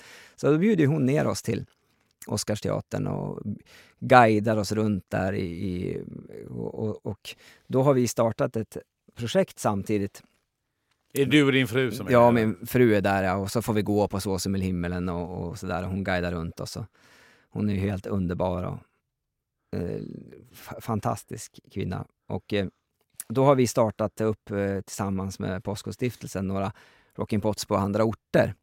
Göteborg och eh, Boden och det var Linköping och Norrköping och sådär. Och vår dröm är att i slutmålet av det här projektet föra ihop de här körerna och göra en konsert. Och då börjar ju mitt huvud snurra liksom. Nu har, har vi någon som har en fantastisk lokal här. Och då berättar jag liksom, ja men du jag skulle vilja ställa dig en fråga och så där. Och eh, då ehm, så berättar om det här projektet och så vi söker någonstans att ha en konsert och så där. Du som har så mycket kontakter, säger jag. Och hon bara, herregud titta jag får gåshud, visar hon så här. Så, ja, men, kan man, finns det något ställe man ska kunna vara? Ja, ni får vara här. Jaha, vad kostar det? Alltså? Eller vad får vi betala för det? Inte betala, låna, säger hon. och så får vi ju låna den här fantastiska teatern. Och sen, eh, ja, och då skriver vi ihop en föreställning eh, som inte är en konsert bara, utan som en musikalisk berättelse som berättar hela den här historien från Grytans flyktingförläggning till Oscarsteaterns scen. Och i den här föreställningen så ställer alla artister upp som är med i berättelsen upp och dyker upp, kommer in på scenen i verkligheten. Så vi hade massa eh, suveräna artister med och ja, det blev fullt hus och supersuccé. Lyckat. Men du hade några Men det var, lite incidents? svett, det var lite svettigt innan, Ja, jag förstod. Det måste du berätta. Ja, men alltså jag är en himla klant. Alltså, det börjar ju med att eh, precis ska kliva på, då kommer tv-producenten till den här tv-dokumentären vi gjorde just då och säger att vi har tappat ljudet. Eh, så går du ut nu och startar, då får vi inte med ljudet. Nej, men så var det lite problem med i insläppet, så insläppet bad oss ändå vänta, så vi fick en kvart extra där. Och, och så frågade jag, eh, nej, är det igång? Nej, det funkar inte, vi måste hålla på det liksom. Och sen, sen tar, och jag är så nervös där och har massa papper och grejer och sen har jag ett glas vatten när jag dricker vatten och så spiller jag ut det över mina anteckningar som jag har liksom på scengolvet. Eh, och, så där. och då tar jag upp anteckningarna och så vill jag ju torka dem och då torkar jag dem på min tröja. Som är en militärgrön tröja som nu har liksom en gigantisk fläck på hela magen. Och det är den enda tröjan jag har förutom min vanliga tischa som jag kom dit med på morgonen. Så där står jag, liksom, tv-kamerorna funkar inte, jag har en gigantisk fläck. Jag står och drar i tröjan och fläktar allt jag kan och svettas och vet inte vad jag ska ta mig till. Och sen bara står där och våndas liksom och TV, ringer till tv-folket och de är ute och bara nej, inget svar. Tittar ner på tröjan, ingen fläck. Jag går ut. Och så går jag ut där utan att veta om vi får med den här föreställningen eller inte. Eh, och jag står liksom och gör den här introduktionen, för jag pratar ganska mycket i den här föreställningen, berättar historien mellan låtar och sådär. Och där står jag och pratar och eh, tänker samtidigt, ja, ursäkta språket, fan, fan, fan, fan, fan. liksom, åh, vad fick jag ut? Är de igång? Men sen efter tre låtar, då bestämmer jag mig så här, de är igång. Nu måste jag njuta här. De, de är igång. Och sen börjar jag se att de rör ju på sig, de lyser röda, så de, måste, de är nog igång. Och, så. och det var de, de var, fick allt.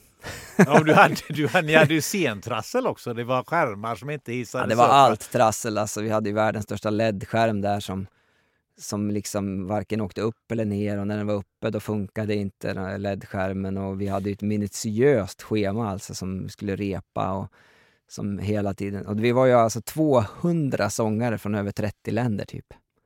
Du kan ju tänka dig liksom logistiken, att alla ska äta, alla ska ta sig till hotellet, alla ska byta om, alla ska komma tillbaka, alla ska göra det, alla ska vara på plats på den här tidpunkten och många förstår inte språket och det ska översättas. Och, det ska, liksom, och samtidigt så när vi har reptider med alla de här artisterna så hänger den här gigantiska skärmen nere och det är ingenting, alltså det var bara svett och kalabalik. Och, men eh, sen bara pang satt allting.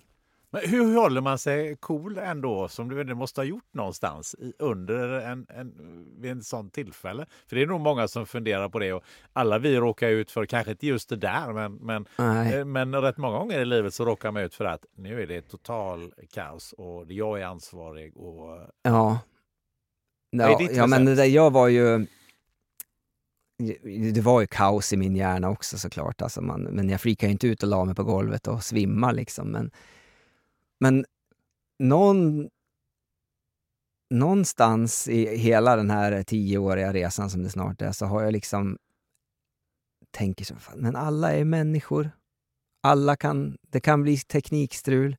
Man kan ju gå ut till en publik och säga så här, ursäkta men vi får inte till det här nu, jag ber om ursäkt men ni måste vänta en halvtimme eller och är, lägger man liksom korten på bordet och, och liksom eh, så har ju de flesta människor förståelse. Bara man talar om vad som, på grund av det här och det här. Och sen tror jag inte man ska vara så himla hård mot sig själv alltså. Good enough är en grej som jag har tagit. Ja men när man sjunger med den här kören. Det är good enough. Det låter så här eller det blev så här, det gick fel på den låten. Det blir ju liksom inte, det har varit något mm, outro som inte satt. Det vart lite bandet strula till det eller någonting. Inte spelar det någon roll? Eller? Liksom, inte kommer folk gå hem från den här fantastiska föreställningen och säga ja det var ju bra men på Niklas Strömstedts om där så vart ju outrot lite dåligt. liksom, det är inte, man får inte vara så himla hård mot sig själv alltså. Jag brukar tänka när jag föreläser ibland, då, ibland kan jag glömma ett, helt- alltså ett helt stycke. Så här, fan, jag glömde ju säga det där helt och hållet. Det har ju inte åhörarna en enda aning om. Nej, det brukar jag också säga Ja. till folk som, eh, ja men eh, jag vet inte exakt och så får jag inte glömma och missa det här och det här. Ja, fast de vet inte vad De- du ska nej. säga egentligen. De har ingen aning att du missade någonting. Och, och 90 procent på Oscarsteatern, de märkte nog inte att det var något fel där. I, för man kan titta på något annat eller är uppslukad av artisten eller liksom någon dansade till eller du vet. Äh, Man ska inte vara så himla hård mot sig själv. Och sen är det väl lite det som du sa innan här, att vad är det värsta som kan hända? Ja. Det, det är också... Det är få ögonblick i livet som jag tycker är så här, det här är helt livsomvändande och avgörande. Blir den här showen bra, då kommer allt hända. Eh, får jag tag i den här personen, då kommer allt vända. Då kommer liksom... De här, det... det Är det lite Det det, finns- att man tar sig själv rätt så på mycket på allvar? Alltså att om jag gör det här bra då kommer världen att öppna sig och det är ju sällan det gör det, även om man gör det jäkligt bra. ja. Man, man tar nog både stunden, sig själv och allting på för, för stort allvar och tror att det här är min enda chans eller jag måste göra det här perfekt eller annars kommer de tycka att jag är dålig. Eller... Jag tror att vi generellt människor är så himla hårda med oss själva. Du, om du eh, eh, som, som människa tittar tillbaka på de senaste tio åren, vad, vad, om du skulle vilja sammanfatta det, vad har, vad har det gett dig som person och vad har det gjort med dig? Mm. Ja, men hur mycket som helst. Om man bara börjar i den änden med alla upplevelser, det har ju varit helt galet att få uppleva det här, att få jobba med musiken, att det här blev som det blev och allt kul vi har gjort. Sen alla människor man har träffat, alla nya vänner, alla kulturer man har lärt sig om. Eh, och jag ja, man har lärt sig så himla mycket helt enkelt. Och det, det har absolut inte varit så här, åh nu hjälper vi de här människorna, utan de här svenskarna och jag och min fru, vi har ju blivit lika hjälpta själva i det här och växt och eh, berikats liksom i, i livet med vänskaper och äventyr och fantastiska lärdomar och eh, kunskaper. Och sen, vad var det jag tänkte säga mer? Ehm, jag hade ju någonting på tungan. Har, har det förändrat ja, men, dig som ja, person? det var det jag skulle säga. Att jag har ju gått från den här egoistiska snowboardåkaren där allting handlar om mi, mi, mi och jag måste synas mer, höras mer till, till att vara mycket mindre så. Eller liksom, bry, jag brydde mig nog inte så mycket om Ja, klart man brydde sig om sina vänner och så, men jag brydde mig inte så mycket om så mycket annat när jag var snowboardproffs. Och eh, nu är jag en mycket bättre person, tycker jag. Och, men det har ju med, också med åldern att göra, tänker jag, att man får barn och man är inte center of the attention hela tiden. Men, men det har ju verkligen förändrats. Du sa innan här att eh, ja, du kanske inte har reflekterat så mycket över, över samhället, hur saker och ting fungerar på Migrationsverket eller så vidare. Men, men man kan ju liksom inte undvika riktigt om man eh, ser en sån här resa som ni har gjort utifrån och, och, och allt det här eh, som ni faktiskt har åstadkommit. Är det någonting som du har funderat på kring kring samhället lite mer i ett, i ett, större perspektiv och just kring, eh, eh, ja, men kring de människorna som kommer till, till Sverige. Har du gjort några reflektioner där? No, vi... The Rocking Pots har ju utvecklats från att vara en, liksom, en, en kör som hjälper människorna som är med i kören in i samhället till att vi vill vara en annan röst i samhället. Vi vill vara en positiv bild eh, och en förebild och visa upp för världen att de här fantastiska människorna som kommer hit som vill och som är glada och som vill anpassa sig i samhället och få jobb och leva livet. Och det här är liksom... Det är ju 99,99 procent ,99 av de som kommer hit. Men om man läser i media, då är det bara problem.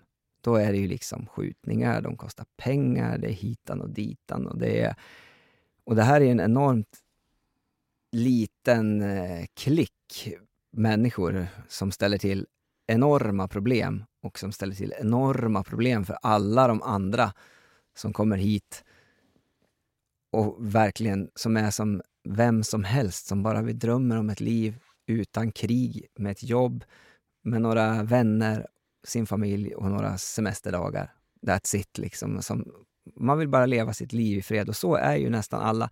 Men jag vet inte om det är svar på frågan, men liksom, jag är less på att det här negativa får ta så mycket plats. Och att det också, eh, när man träffar någon så här, som kanske har bott i Sverige i 30 år. De känner ju den här vågen av liksom motstånd nu igen. För att eh, allt som är i media hela tiden, det är bara, bara negg, negg, negg, negg, negg. Liksom. Varför är det på det sättet? Ja, det är väl för att man klickar på det. Alltså det, det är fler som klickar på, ja inte vet jag, någonting som har gjort något fruktansvärt eller någon skjutning än att det står så här eh, fantastisk basketklubb, integrerade hel familj och fick jobba. Alltså det, jag, vet, jag tror vi men av någon... Det är ju inte bara i den här frågan, det är ju mycket negativt i allt liksom. Jag tror att vi människor, vi vill, ja, jag vet inte. Man klickar på det här och, och, och media vi lever ju på klick.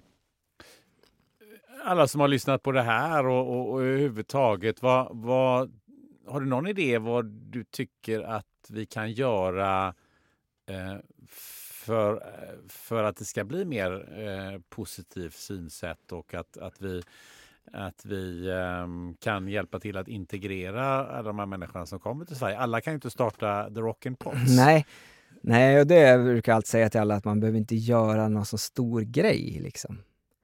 Eh, man kan göra något litet, man kan börja säga hej bara till folk. Titta dem i ögonen, hej. Hoppas du har det bra. Eller liksom, Eh, man kan eh, göra något litet. Man kan eh, fråga någon om de behöver hjälp när de står på ICA och inte ser ut att förstå vad det står på mjölkförpackningen. Eller man kan engagera sig lite grann i någon förening eller vad som helst. Men jag hade något smart att säga. Vad var, vad var ja, frågan? Ja, men nu kan vi i det lilla göra någonting också för alla som sagt var kan inte starta en, Nej. en, en kör eller, eller så. Vad, vad kan, ja, vi, vad kan precis, vi göra för, ja. för att eh, också för att eh, få människor, just språket är oftast ett hinder Ja. för att vi integreras i, i samhället. Du sa själv här att det tar sju, åtta år innan man Ja. innan får SFI eh, och så vidare. F, f, vad, vad kan vi göra? Ja, men jag tror att steg ett, det är ju att vi måste fatta allihopa att integration, det är ju inget som löses av politiken. Det går liksom inte att välja ett annat parti som ska styra upp det här, att folk kommer in i samhället. För vilka är samhället då? Det är ju du och jag och alla andra. Och det är ju tillsammans med oss de här människorna ska in. Och det kan man ju inte göra med ett partipolitiskt program. det är klart att partierna kan underlätta på olika sätt och eh, jag har ingen konkret liksom idé, så förslag eller vad, på vilket sätt. Men, men sen är det ju in i det vanliga samhället bland alla vanliga människor som är integration till syvende och sist. Och där måste vi alla inse att man kan vara med på något sätt. Och det finns ju jättemånga fina initiativ. Alltså, det finns ju Rocking Pots liknande grejer överallt. Både körer och eh, idrottsföreningar eller eh, fikaträffar och språkcaféer eh, och vad, vad som helst. Liksom. Eh, det går ju att kontakta kompis-Sverige eller få en kompis och liksom börja göra någonting. Titta vilka finns. Har du grannar som är en ut, utlandsfödd familj? Ja, men fråga hur de mår. Gå eh, ut på en promenad, bjud hem dem. Många som har varit i Sverige liksom i tio år, de har aldrig varit hem till en svensk familj. Nej. Så att eh, vi måste bara se oss omkring i, i, i vår by, stad, samhälle eller vad vi bor i. Kan, vad, kan jag fika med någon? Kan jag säga hej? Kan jag vara med i någon förening? Kan jag göra något? Och det behöver inte vara något som tar att fika med någon en gång i månaden. Det klarar nog de flesta av i sitt schema. Det saknas ju inte eh, svarta rubriker, precis som du sa här i, i, idag. Och det handlar inte bara om, eh, om skjutningar eller andra grejer. Vi har en, en något mer om, eh, orolig värld runt omkring mm. oss än vad vi hade eh, tidigare. Hur utifrån ditt perspektiv och det som du har varit med om och gör idag. Hur, hur ser du själv på, på framtiden som person? Jag är en positivt en positiv person. Jag ser positivt på framtiden. Och i och med att media är som det är, så får ju vi en... Det är ju katastrof, så är det ju med alla krig och allting. Men, men, men tack vare den mediabild som är så får vi bara den här dåliga informationen. Och det är ju därför det är så himla synd att till exempel en röst som Hans Rosling heter han ju, har försvunnit. Som kunde förklara för oss på ett begripligt sätt att världen, trots allt elände du hör, blir steg för steg bättre, en bättre plats att leva på. Um, och jag är... Så jag är positiv. Alltså jag är inte den som... Jag, jag, tror på framtiden, absolut. Och vi människor hittar lösningar och vägar fram.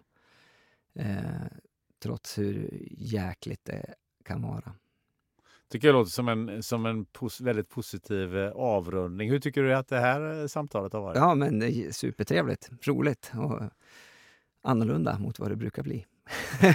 ja, på vad sätt då? Nej, men... Eh, ja, men eh, att... Ja, men... Eh, jag vet inte. Att, att man... Jag tror man fick lite bredare förståelse för vem jag var och kanske liksom så här vart jag kom ifrån och så. Ofta blir det den här historien där den börjar, Rocking Pots, där den börjar som man får berätta. Och så. Och så det var kul att, att få gräva och tänka lite i andra scenarion mm. också. Ja, det finns ju mycket, mycket mer som sagt var att läsa i i, i boken. Ja. Eh, definitivt, och det kan jag verkligen eh, rekommendera. Eh, vem skulle du vilja rekommendera eh, att jag borde intervjua? Ja, men först det jag tänkte på, det, för det var det enda du förberedde mig på. Först tänkte jag så här, det, men det är ju lite svårt nu, men Graham Potter. Som, nu tränar ju inte han i Sverige längre, men han är ju en fantastisk otrolig människa som jag har haft äran att få jobba med i, när de gjorde så här kultur eh, projekt i Östersunds fotbollsklubb. Men han kanske är lite svår att få tag i just nu. Så att därför så kom jag på en till här på vägen och det är en eh, fantastisk man som eh, jag också känner som bor i Östersund som heter Stefan Karlsson som är den norrländska hotellkungen. Mm. Som eh, startade sitt, köpte sitt första hotell för en krona när han var 16 år.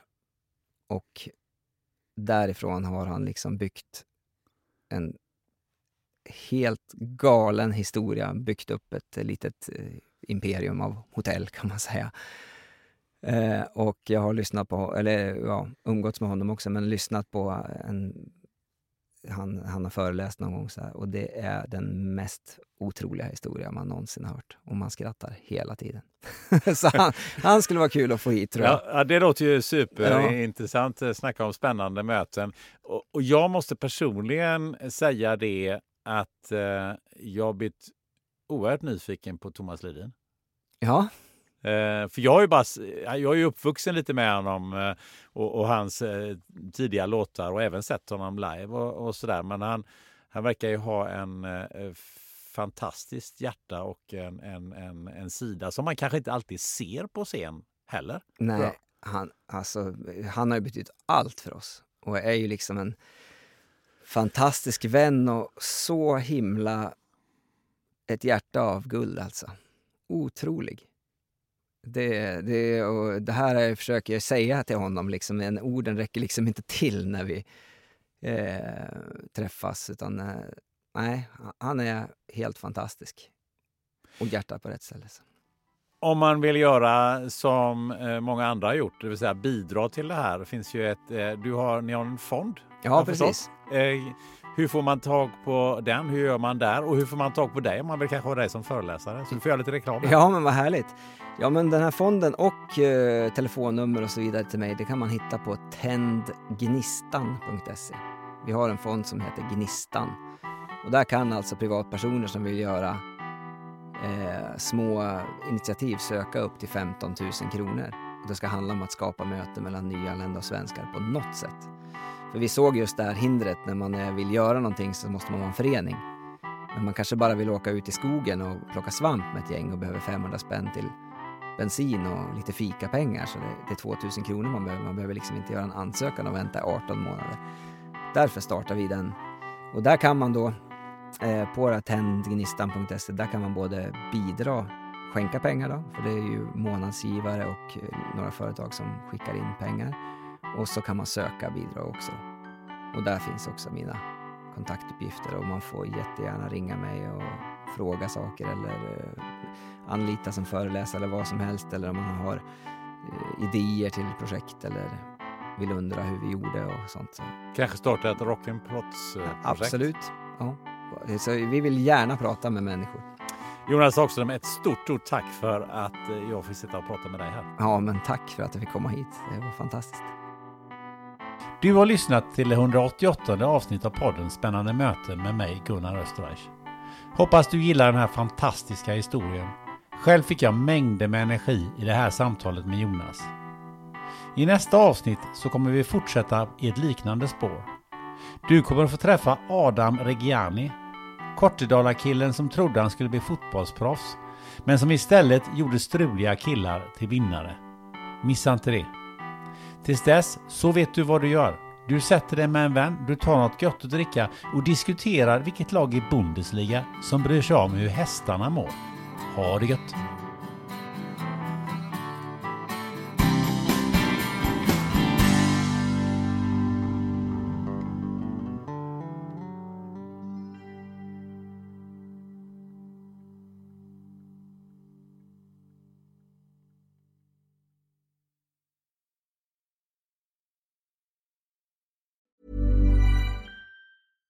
Catch yourself eating the same flavorless dinner three days in a row?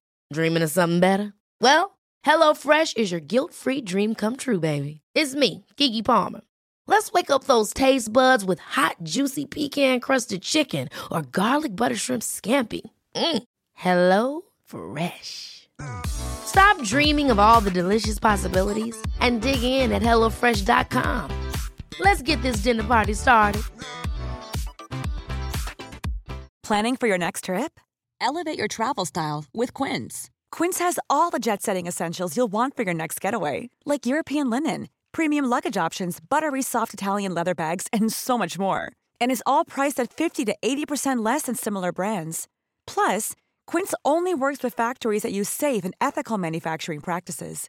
Pack your bags with high-quality essentials you'll be wearing for vacations to come with Quince. Go to quince.com slash pack for free shipping and 365-day returns.